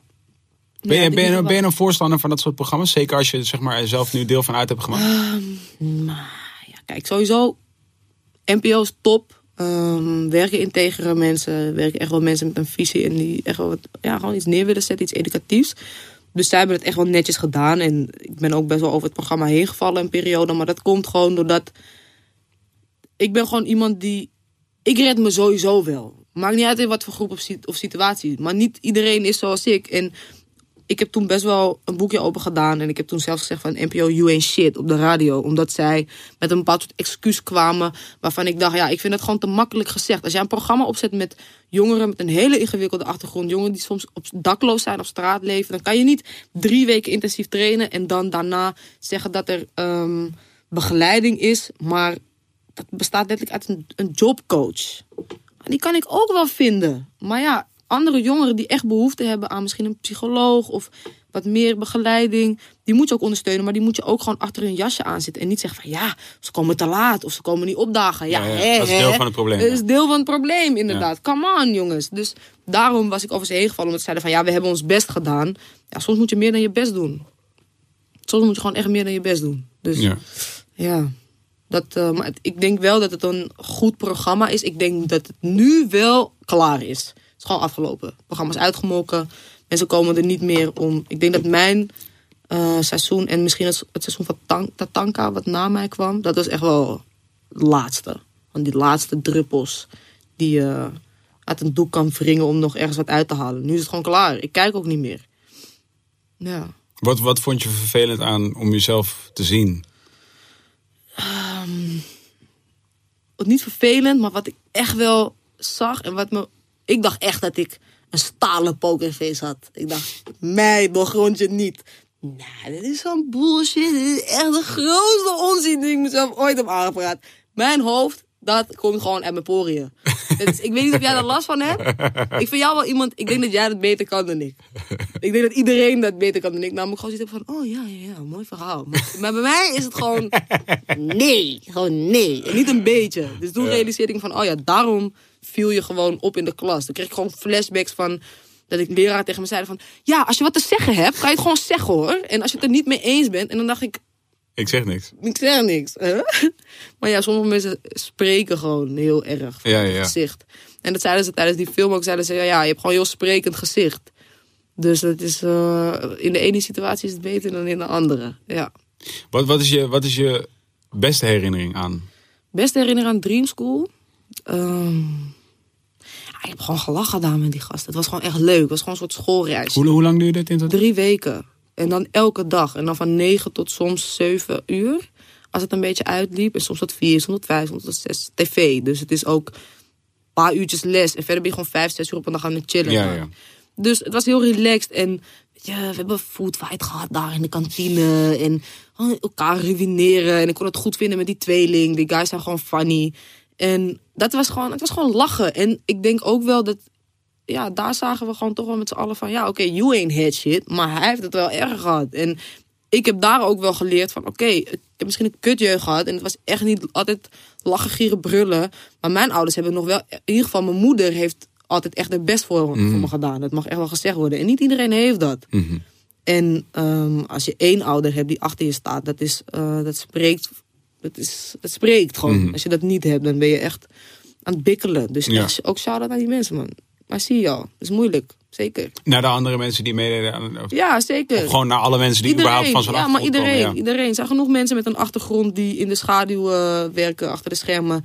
eh, waarvan je het misschien ook niet zou verwachten. Dat je, en dat je, dat je een verhaal hoort en dat je denkt van shit, man, hoe kan het dat jij nog lacht elke dag? Dat is Mm. knap hoor. Dus eh, ja, het, het heeft voor mij ook dingen in perspectief gebracht. Denk je dat het onderschat wordt? Zeg, de problematiek rondom dat gegeven. Dus bijvoorbeeld mensen die komen uit gezinnen waarin niet alles gaat Mhm. eh, zoals je. eh, ik weet niet veel. Ziet in, een, Ja. in, mooi, in Disney films. 100 procent. 100 procent. Ja, zeker. Ik denk dat er waanzinnig veel mensen rondlopen met trauma's waarvan ze niet eens denken dat het trauma's zijn. Ehm, een vriendin van mij bijvoorbeeld ook. Die, ze, ze had constant mankementen. Ze was altijd ziek. eh, hoofdpijn, migraine, allerlei gekkigheid, paniekaanvallen. Maar zij dacht dat dat gewoon normaal was. En dit is mijn karakter. Ik ben gewoon... Ik heb gewoon daar last van. En ze, had, ze kon niet de vinger op leggen. Uiteindelijk bleek dat ze gewoon PTSS had. Omdat ze in een inrichting heeft gezeten, een jeugdinrichting. Waar ze gewoon dwangbuizen nog ehm, gebruikte als, als middel om, om mensen te kalmeren. En dan word je gewoon in een kamer gesmeten. En dan word je gewoon... ehm, Ja, padded wall, bij Ja, spreken met ja, een dwangbuislijp. en als je 15 of 13 of 14 bent en je bent een meisje en je wordt door vijf man gewoon zo huts. Dat doet echt wat met je. Dat maakt mensen echt kapot. En ik denk dat we steeds meer toegroeien zijn, aan het toegroeien zijn naar een generatie die steeds meer open staat eh, voor, om het te hebben over mental health. En ik denk dat het voor mannen nog veel bespreekbaarder kan worden. Ik denk dat vrouwen al goed op Ja, merk je dat ook in, Ja. ook in de jongste generatie? Ja, zeker. Ja, ja zeker. Ook als, als ik voor een groep sta, merk ik dat vrouwen toch ehm, wat meer in hun contact staan met een gevoel. Doordat ze dat ook eerder geleerd hebben. En dat mannen het zien als zwakte. Mhm. Ja, maar uiteindelijk gaat datgene wat jij noemt zwakte, dat gaat ervoor zorgen dat je breekt. Mhm. En dat is, dat is, denk ik, dat veel jongens moeten dat goed begrijpen. Dat, ehm, dat doet gewoon veel met je. En we zijn allemaal van vlees en bloed. Sommige mensen vergeten dat ook. We zijn allemaal van hetzelfde gemaakt. Hoe bedoel je? Veel mensen vergeten dat ook. Nou ja, dat heel veel mensen, sommige mensen hebben het gevoel dat ze boven de wet staan. Ja. Dat ze misschien succesvol zijn of rijk zijn. Of uiteindelijk, maar uiteindelijk is dat. Het zijn dingen die niet belangrijk zijn en die ook niet, niet voor de volle 100% bijdragen aan je karakter. Dat zijn externe factoren. En uiteindelijk draait het echt om eh, eh, hoe jij eh, je profileert. Gisteren was ik toevallig met een vriend en een vriendin van mij naar iets aan het kijken. En het ging over iets heel stoms eigenlijk. Of, of stom. Het was gewoon is een gozer en die gaat interviews doen. En die gaat kijken of je diamanten, horloge of je Rolex of je goud echt is. En wat echt kenmerkend was voor die video... was de jongens die misschien één gouden ketting om hadden. Die hadden echt zoiets van... Van ja, nee, je moet geen neppe shit dragen. Fok dat, dat is echt skeer. En die mensen die gewoon voor 50k sieraden om, hun- om zichzelf aan te hangen. had echt zoiets van, ja, maakt niet uit man. Fake it till you make it. En dat contrast, ik zie dat in mijn generatie. Dat mensen die er net, nog net niet zijn, maar wel een beetje. Die hebben echt zoiets van, ja, nee. En ik, ik, ja, ze voelen zich beter dan anderen. Of ehm, bijvoorbeeld mensen die hebben net een bedrijf opgezet. En dan hebben mensen zoiets van, oh ja, ik ga wel even gratis daar eten of zo. Of ik ga wel even gratis shit halen. Terwijl mensen werken keihard. En je moet mensen helpen. Je moet mensen juist helpen en niet oordelen over hun situatie. Mhm. Ik denk dat dit is een soort, ja, deze generatie is ook wel van ah, gewoon over lijken gaan. En alles voor die succes en die fame en die cloud en die aandacht. Toen werd je dus gecheckt voor een film. Ja, Eh, over aandacht gesproken. Ja. Eh, wat gebeurt er dan? Wat, wat, hoe, hoe was dat om, om überhaupt gecheckt te worden daarvoor? ja, raar. Ik geloofde het niet. Ik dacht, ja, zielig. Zielige jongeren even een kans geven. En, oh nee, toch niet. Psych. We geven hem gewoon aan een, aan, een, aan een acteur. Dus ik dacht gewoon bij mezelf, ja, ze willen me gewoon een beetje uit de brand helpen. Want werd je eerst uitgenodigd voor auditie of was het meteen, gewoon- je- je bent het sowieso? Nee, zeker niet. Nee, ik moest eerst eh, op casting komen bij Kemna. En van tevoren zei ik van nee man, ik ga gewoon naar school. En ik wil mijn leven nu in het gareel trekken. En toen zei een vriend van mij, zei tegen me, ben je helemaal ziek in je hoofd? Als je dit niet gaat doen, ben je gek. Je moet gaan. Als je dit niet doet, eh, dan ga je spijt krijgen. En toen dacht ik, ja, fuck it, wat heb ik te verliezen? Behalve mijn opleiding dan. Maar ja, dat heb ik al zeven uur doorlopen. Dus ik dacht, maakt niet uit. Geheel volgens traject gaan we Traditie. dit. Ja, Ja. geheel volgens traditie inderdaad. Ehm, en toen eh, ben ik naar die casting gegaan. En ik denk, doordat ik zoiets had van, fuck it, dit wordt hem toch niet. Dat heeft me geholpen. Dat heeft me sowieso geholpen. Omdat je relaxed was daardoor. Ja, ja, ja. En ik vond het ook gewoon leuk om te doen. En ik vond de rol leuk. En ehm, ja, ik ken de meeste werk doordat mijn vader in de, in de filmwereld zit. Of, hij, repareert camera's. Dus, Oh. Maar wel bij een van de grootste cameraverhuurbedrijven van Nederland. Dus dan ben je gewoon op de hoogte van wat hij draait, wat hij speelt. En het is een hele, hele mooie rol om te hebben. Dus ehm, ja, waanzinnig veel van geleerd. En wat een sowieso gekste wat ik heb meegemaakt in mijn leven. En ik heb echt veel gekke dingen meegemaakt. Dus, of niet het gekste, nee, dat zeker niet. Maar wel het mooiste. Echt het mooiste. Ja? Ja, zeker. 100%. Wat, wat, is, wat is hier mooi aan? Ik denk dat, zeg maar, Ja. ik bedoel, veel, zeker Ja, jonge het- ja, meiden en jongens denken, een film, Ja. oh my god, dat is zo en zo. Is het zoals dat je het hebt romantiseerd? Nee. Of, maar wat is er dan wel mooi aan als het niet dat is? Nou ja, wat ik gewoon dacht was, je komt daar en je doet gewoon je ding. En dan ga je gewoon weer wat anders doen of zo. Je bent gewoon de hele tijd bezig. Je bent de hele tijd aan het wachten. Je bent gewoon de hele tijd aan het wachten op allemaal dingen die fout gaan. Ja. En ondertussen is het gewoon een soort... Je bent met een groep van... ja, Wat bestaat een crew?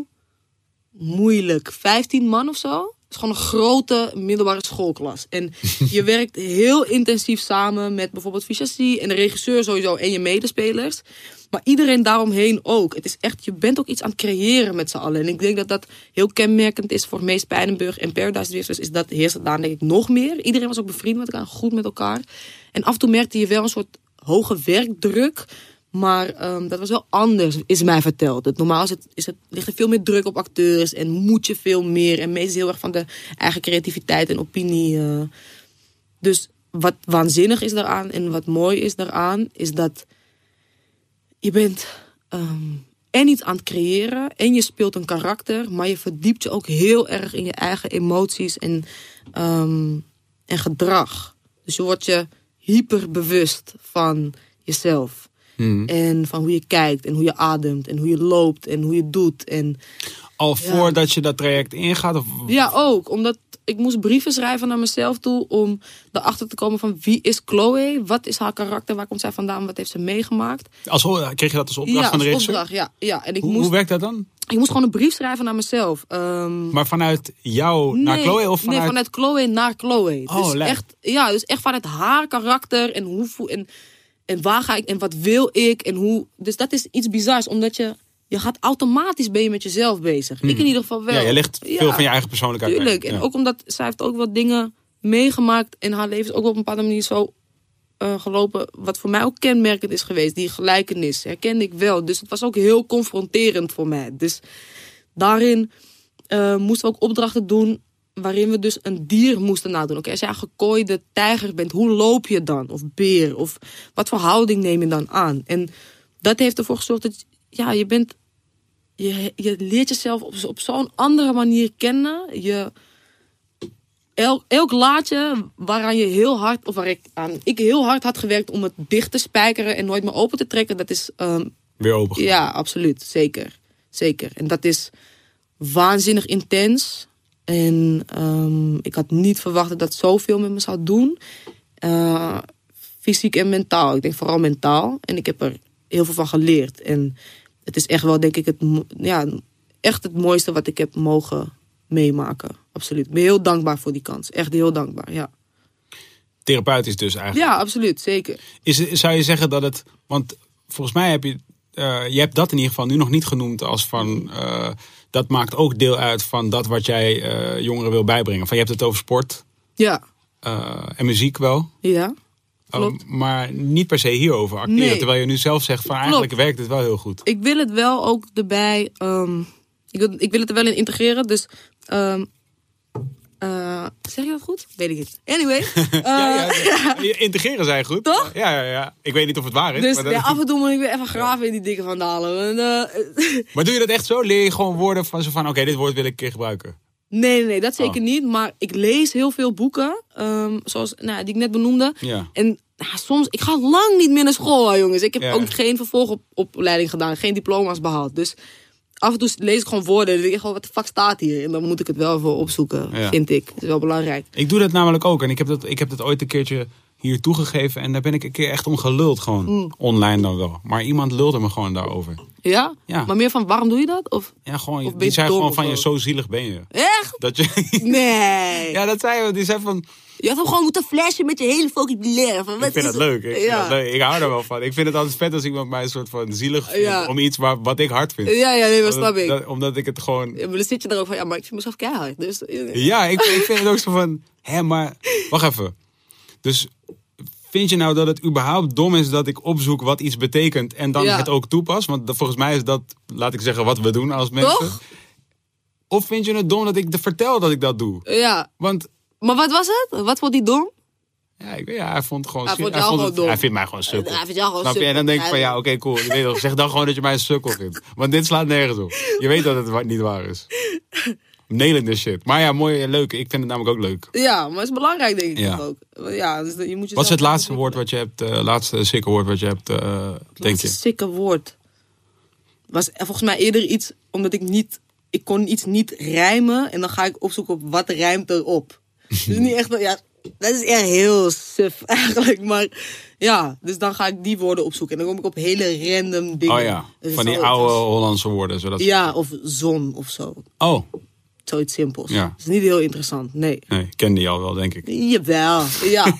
Jij wel. Ik wilde nu net nog wat zeggen over woorden, maar dan ben ik het, weer- ben ik het weer vergeten. Ha. Ehm, Komt door al die tegen. ja, echt hè. Laten we de negatieve kant er even in. Wiet vond ik altijd, ik vond het altijd wel leuk. Ik weet wel dus dat de eerste freestyle die ik ooit heb gedaan, Mhm. als in met mensen erbij, dat ik gewoon echt dacht van, Fuck it. Nou ga ik spitten. rappen. Ja? waar iedereen bij is. Maar hoe ging dat? Is, kreeg niet soort... Waterpijp. Ja? Dus dat was sowieso de eerste jonko die ik ooit gerookt had, was uit een pijp. Ja. En ehm, Maar hoe is dat begonnen voor jou? Dat vind ik wel interessant. Dat schrijven en dat rappen voor jou. Eh, ja, schrijven was, ja, ik luisterde daarna gewoon. Ja. Ik luisterde naar rap. En Ja. ehm, toen dacht ik gewoon van, Zonder soort liefde of zo voor. Ja, ik weet dus dat. Dus een van de eerste albums die ik heel lauw vond, was specifiek een lijn van een rapper die begon met. Die begon, dit is every in de jaren negentig hip-hop song ever start Ja. ongeveer op deze manier. Maar dit was de lijn. De lijn was lyrical shots from the Glock. Maar dan dus ook lyrical shots from the Glock. Ja, ja, ja. En toen dacht ik, lyrical shots from the Glock. Lijp. Wat zeg je? Ja, ja, ja. Want het was natuurlijk gewoon een hele obvious metafoor. Toch? Van, oké, dit zijn schoten uit een glok. Ja. Maar het, is, het zijn woorden. Ja. En toen dacht ik, Sick. dat is sick. Ja. Dat is sick. Dit is Dat fucking spelen. agressieve. Spelen met taal. Een soort van... Maar ook heel eh, ag- agressief. Ja. Dus ik had zoiets van, het is ook niet, het is niet zoals, zeg maar, want tot die tijd luisterde ik nog, ja, weet ik veel, Michael Jackson of zo. Ja. Zo van, tot die tijd was ik nog eh, wat meer, ja, zoete eh, muziek aan het luisteren, die, eh, die gewoon, weet ik veel, wat je luistert als je tien bent of zo, I guess.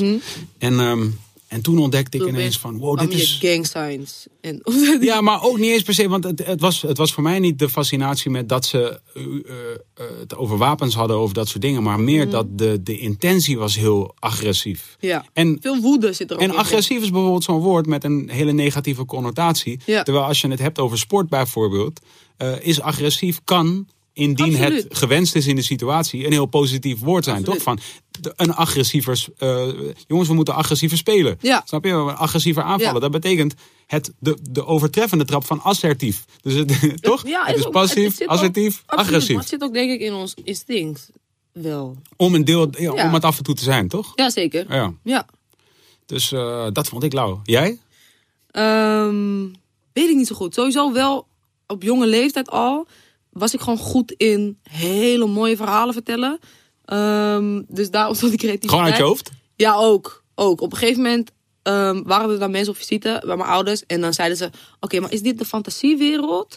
of is dit de echte wereld? Heb je dit echt meegemaakt? hè? Ja, gewoon echt. Dus dan had ik echt iets van, ja, maar ik vertel jou gewoon dit verhaal. En jij moet dit gewoon, een soort co- kleine comediant of zo proberen Ja, uit te hangen. Want comedianten die verzinnen ook gewoon heel veel shit. Ik ben, Dus, ja, nou. eh, ja, ik, eh, box. Ja? Ja, ja, sowieso, dat was altijd, ja. Wat dan uit... Maar jij wat, kan ook goed slap, slap ouwen, want anders zou je dit niet doen. Ja, en precies dit wat jij zegt. Want mensen hangen zo erg op, mensen hangen zo hard aan de waarheid. Ja, Eh, wat, wat, wat, prima, als ik Ja, begrijp... De, die, ik- die is voor iedereen ook anders. Dus, ja, precies. nou ja, maar daar ga je dus al. Ja. Dus er is er geen. Nee, zeker. Precies, zeker. precies. Dus. En dat, dat vond ik altijd heel teleurstellend als ik dus bijvoorbeeld... Ik was, want ik kwam ook wel eens thuis van een, van een verjaardagsfeestje. Ja. En dan zei ik... Wat, wat, en dan zeiden mijn ouders, wat zijn we bezig doen? Dan zei ik, skiën. En hij zei, oh en? Ja, zeker. We hebben hele verhalen over skiën en wat ik er dan had gedaan. En dit en dit. Maar dat was helemaal niet. Dan waren we gaan eten in een eh pannenkoekenhuis. Ja? Wat vast zat aan een borstelbaan. Oké. Waar mensen aan het skiën waren. wel dicht bij de realiteit. Dat zijn de beste leugens, hè? Ja, snap je wat ik bedoel? I got an alibi. Begrijp je? Ja. Ik was daar. ja. Check maar waar, waar ik ben geweest op mijn telefoon. Nee, ik had nog geen telefoon toen. Maar in ieder geval, ja, ik vertelde gewoon een verhaal dat ik was geweest skiën. Was helemaal niet zo. ja, maar kijk, dat maar ik vind het lauw. En nu nog tot de dag van vandaag denk ik van... Kom op man. Laat maar gewoon een verhaal. Je wilt toch gewoon een, je wilt toch een mooie Het- versie het horen van dit verhaal? juicy zijn. Ja. Dat is ook zo.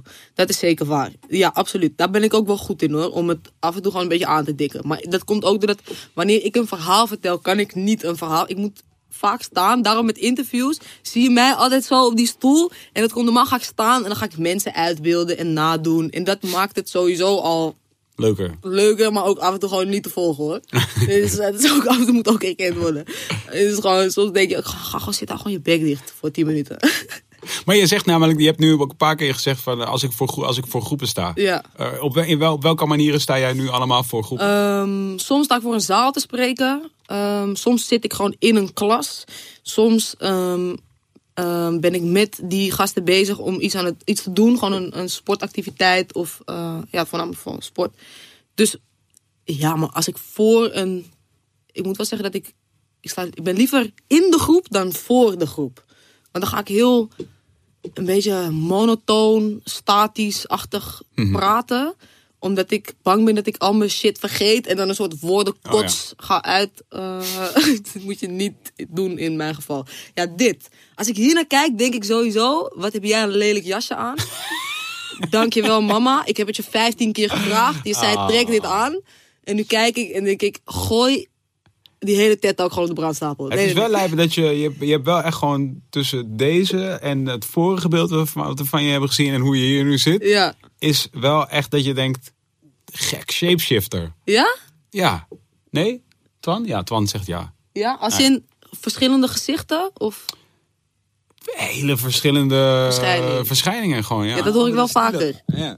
Andere, ja. ja. Andere stilo's uit Twan. Ja, dat hoor ik wel vaker. Kijk, hier heb ik gewoon iets gedaan. En dat moet je nooit doen in het leven. Namelijk pretenderen dat ik misschien iets was wat ik niet was. Ik dacht namelijk netjes. Ik word spreker. Ik word spreker, dacht ik. TED Talk is een ding. Ja. Ik dacht, jasje, pantalon, Ja. geen hakken, Terwijl je wel had sneakers. gewoon aan moeten Ik had gewoon als die kleine, kleine, hoe noem je dat? Wat is het juiste woord voor? Kleine schoft uit de buurt. Had ik gewoon in mijn trainingspak moeten komen. En ehm, ja, dat. Maar daar was je relaxed geweest. Sowieso, sowieso. Ja, zeker. Wat is, heb je een favoriet van een van die manieren om te praten? Ja, dus, dus in de groep vind je het fijnst. Ja, in de groep, ja zeker. Dat ik gewoon die interactie heb met die gasten. En dan leer ik ook wat van hen. En Ja. anders dan, ik krijg er dan anders waarom niks ervoor terug. Dan sta ik daar een beetje te lullen. Ik weet niet, als ik niemand spreek naar de hand, ehm, of ik iemand ja, interesse heb geprikkeld. Of dat ik denk van, oh ja, is herkenbaar. En dat vind ik interessant, daarom doe je het. Je moet het niet doen voor het geld. Of omdat je, omdat je denkt dat je, dat je andere, heel veel mensen kunt inspireren. Want dat is ook niet zo, nogmaals. Er zijn heel veel mensen die waarschijnlijk kijken naar die Talk en denken, wie ben jij man? is niet erg. Denk ik ook als ik jou zie. Dus, ja, inderdaad. Ja. Die krijg ik ook vaak. ja? Eh, Maar hoe ga jij daarmee om dan? Het Instagram en het... En het... Want zelfs mijn vader weet wie je bent. Ja? Ja, hij is sowieso wel goed op de hoogte hoor. Hij heeft ook de jeugd van tegenwoordig op zijn Spotify. Oh ja. Dus. Ja. Ik. eh, eh, eh, Er zijn, er zijn net zo goed als dat er dus versies van verhalen zijn zoals je ze kunt vertellen, zijn er volgens mij versies van wie jij bent. Eén, ik ben in de ogen van mijn moeder iemand anders dan in de ogen van Twan. Ja, dat is nou eenmaal zo. Ja. En dat is, niet, dat is niet mijn schuld. Nee. Dat is gewoon omdat wij in andere omstandigheden met elkaar zijn dan Andere moeder. setting, ja. Mhm. toch? Dus, dus gelukkig maar. Je weet toch, dat, is, eh, dat, dat is alleen maar goed. En, ehm, maar zo registreer ik mijzelf dus ook af en toe anders. Ja. Snap je? En wat ik, wat ik in ieder geval probeer te doen, of altijd eigenlijk beloof aan mijzelf, is dat ik dat zoveel mogelijk de vrije loop laat. En zo min Ja. mogelijk probeer om eh, zo min mogelijk nadenk over wat de meest gewenste vorm is. En dat ik, dat ik nadenk over wat de meest, laat ik zeggen, eerlijke vorm is. En dat is, Ja. dat is natuurlijk ook een beetje cliché om te zeggen. Ja. Nee, maar wat ik ook wel hard vond, want ik stond even zo op je Instagram te scannen, is dat je hebt niet echt zo'n bepaald... Helemaal niet. Nou, dat- Bij jou is ik één denk- grote chaos Ik denk dat mijn- Ja, ik heb dit nu even gezien, ik Kijk hier, kijk, hier is mijn baby. Ja, echt, dit is mijn baby, dit ben ik. Hier zo bij een of ander pompoenveld of zo, ik weet niet. Dus dat vond ik keihard. Ja, ja. dat- nee, dat is het. Daar is het dat, dat bedoel ik. Ja. Dus, dus ik denk dat wat dat betreft, inderdaad, ik vind het lauw dat je dat. Maar mijn, mijn, Inst- mijn Instagram is denk ik daar een goed voorbeeld van. Maar eigenlijk wat ik doe is ook een goed voorbeeld daarvan. Omdat deze shit bijvoorbeeld is ook eigenlijk deze. dus, dus dat ik dit wilde doen. Mhm. Eh, praten met mensen die. eh, en, en, dan, en dan is er ook altijd dat cliché van praten met mensen met een verhaal. Iedereen heeft een verhaal. Ja, absoluut. Dus mijn hele, mijn hele ding was juist. Ik wil niet meer na hoeven denken over of het verhaal van iemand interessant genoeg is voor, ehm, om te horen Mhm. Ja. voor een heleboel mensen. Omdat het, wat ik toen in ieder geval vond en eigenlijk nu nog steeds probeer intact te houden, is van het gaat er niet om of heel veel mensen dat leuk vinden. dus daarom wat jij ja. toen straks zei over, over eh, Instagram zelf, weet je wat je zei van Mhm. nou ja, als elke follower een euro was, was het een ander verhaal. Dat, is, dat is ook waar, maar en, en zelfs dan kan. En dan kom ik misschien, weet je, kom ik nu vanuit een positie waarin, het, eh, waarin de, die elke, elke euro ook niet meer zo belangrijk Ja, is als dat die ja, misschien ooit was. Maar ik wil er ook zo niet in zitten, snap je wat ik bedoel? Ik wil gewoon, Het eh, moet ook wel authentiek zijn. En, en voor wat dat waard is, maar in ieder Ja. geval gewoon eh, een beetje gaan zoals je Ja, gewoon- voelt waar je moet gaan. Snap je wat ik bedoel? En Dat- dat, Die voel ik, man. en dat is ook met dit dus bijvoorbeeld, Gaan het waar kan. je voelt dat je moet gaan. Ja, Ja, toch? Die vind ik mooi, man. Mooi gezegd. Ja. Dankjewel. Zeker. En eh, eh, weet je wat ik ook lauw vind? Dat jij Ja. zegt, ik ben benieuwd of je dat al je hele leven doet of dat je dat jezelf hebt aangeleerd. Jij zegt eh, hen, Ja. als je verwijst naar mensen. Mhm. Ehm, en heel veel mensen zeggen dan hun.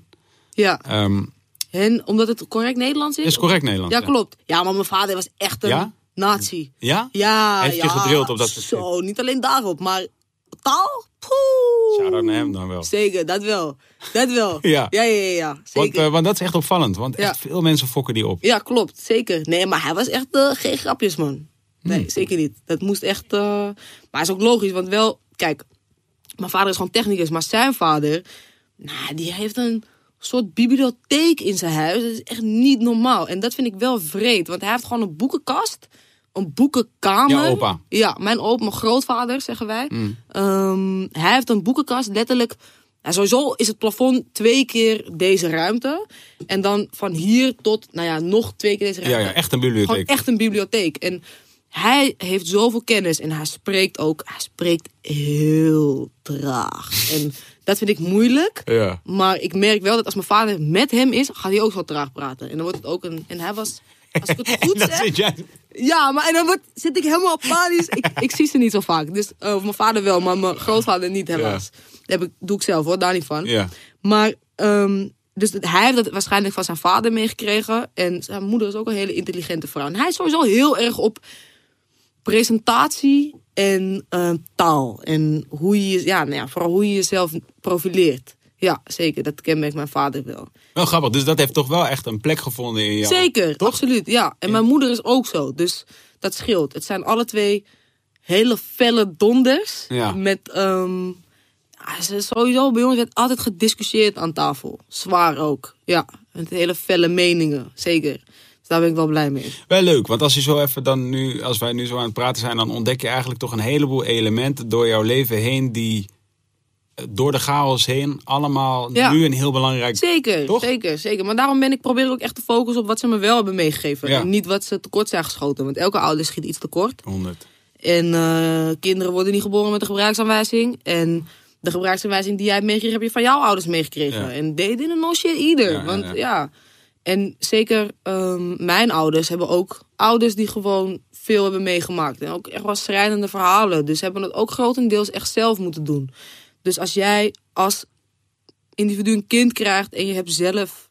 Stond, stond je ook 5-0 achter. Dat gaat jouw kind zeker niet helpen. Ja. Hoe dan ook ga je het meenemen. En dat is niet erg. Want het heeft mij geholpen en ik ben goed terechtgekomen. En iedereen kan goed terechtkomen. Maakt niet uit waar je vandaan komt.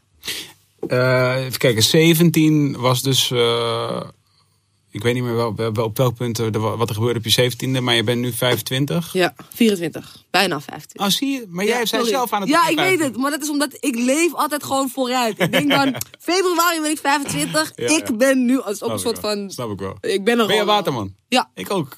Shout out Ja, toch? Ehm, ehm, even denken.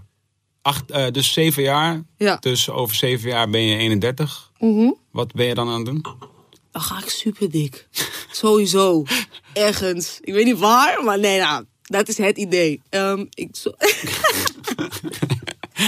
Gewoon echt op een cruise ship. Ja. Gangsters Ja, ja. en shit. Gewoon domme shit. Ja. Maar, ehm, nee, 31. Sowieso een koter. Het liefst twee. Ehm, succesvolle eh, praktijk. ehm, waarin mijn moeder een rol speelt, maar ook veel vrienden van mij. En ehm, waarschijnlijk, hopelijk ook nog wel een filmrolletje of twee. Ja, want dat inderdaad. Ja, dat valt helemaal Ik was weg. benieuwd of dat nog kwam. Ja, sowieso een filmrol. Lijkt me keihard. Ja, een of andere skit zou spelen of zo. Met de, ja. Ja, zou, zou je, zou je in, een, een, liever een rol spelen die heel ver weg ligt van, van wie jij bent? Of eh, liever... Ja, ja, zeker. Omdat het, ehm, ik denk niet dat ik dan voor skit zou moet gaan. Nee, nee, is een grapje. joh. Ik ben vrij relaxed op zich. Om mijn drukke karakternaam. Maar nee, sowieso. Ik denk dat een heel, heel, heel stijf karakter, dat lijkt me heel moeilijk. Iets, eigenlijk iets wat eh Bilal ook heeft gedaan in Paradise Drifters. Namelijk, hij is zo druk. Hij is denk ik nog wel anderhalf keer mij. Of bijna ja. Ik vind jullie wel gewoon We goed- zijn wel Ja, ja, ja. gelijk. Wel Wij krijgen ja. ook wel altijd te horen op de set van... Guys, even relax. Gewoon even shut the fuck up. Wel, ik denk wel dat, dat... Ik vond het heel leuk met hem samenwerken. Want ook meteen een klik. Want Ja. Hij heeft ook op het Altra gezeten. Dus alleen je merkt wel dat we... Als wij er zijn, is het wel een beetje de overheersende energie Ja, in, ja, ja. in de kamer. Dus af en toe moet je ook weten wanneer je moet indimmen. Maar ehm, ja, sowieso nog een, een filmrol. Zeker. Zomaar ineens mogen we onszelf zien. Ja, dat is altijd heel confronterend. Ja, ik vond het ook. Oh, oh. Shit. Ehm, Ja. Wat was de vraag ook weer? Nee, dat was hem. Zeven Was jaar. Dus Ja, je bent. Mhm. eh, praktijk met je moeder, met wat vrienden. Een paar filmrolletjes, twee kinderen, Ja, koters. ja. Sowieso koters wel. Ja. me wel gruwelijk, ja. Ja. En ehm dankjewel. Ja. Zijn Ja, we er gewoon. Dat was hem. Veel succes daarmee. Dankjewel. En, eh, en eh, dus tegen die tijd checken we even. Ja, Dan gaan we dan bellen we even van. Gaan eh, kijken het van, gaat het- gaat het ja, nog? precies. Ja. En die zei: nee, nee, ik ben toch op een jacht. Ik ben iets heel anders aan het doen. Ik ben nu gewoon... ik heb geen, geen, geen tijd. Ik heb geen tijd. Ja. Je moet me niet bellen. Ja. Cool, dankjewel. ja, duidelijk. Jij ook. Twan, shout-out Cedra, shout-out Finn. Ja. Shout-out. Dankjewel. Hey, dankjewel voor het luisteren. Hey. Wilde podcast, Revolution. You're still here. Thank you very much. Ga nog eventjes snel naar petje.af slash Wilde Haren... om daar een kleine donatie achter te laten voor de lieve makers van Wilde Haren de podcast. Dat ben ik zelf natuurlijk, maar ook bijvoorbeeld Ramplan Twan. Je kent hem wel, van die eh, geluiden die je steeds hoort op de achtergrond. Maar de laatste tijd iets minder. Maar daarvoor hoorde het altijd wel zo, zo poef. En dan zei ik, Twan, die Twan. Eh, dat kun je doen door eh, eenmalig een donatie te doen. Maar je kunt ook al vanaf 1 euro eh, ja, per aflevering supporten. Doe dat. Doe dat hoe jij dat fijn vindt om te doen. Dat is petje.af slash wilde haren. Daar kun je ook merchandise kopen. Support ons ook door ons te checken op allerlei verschillende ehm, social media en YouTube en al dat soort shit. Trouwens, als je ons support, krijg je eh, entrance in de beste vrienden optie van eh, Instagram. En eh, daar zie je allemaal eh, toffe shit, behind the scenes en meer goeds. Ehm, maar nog veel belangrijker dan al die dingen is dat je goed zorgt voor jezelf en voor anderen. Peace.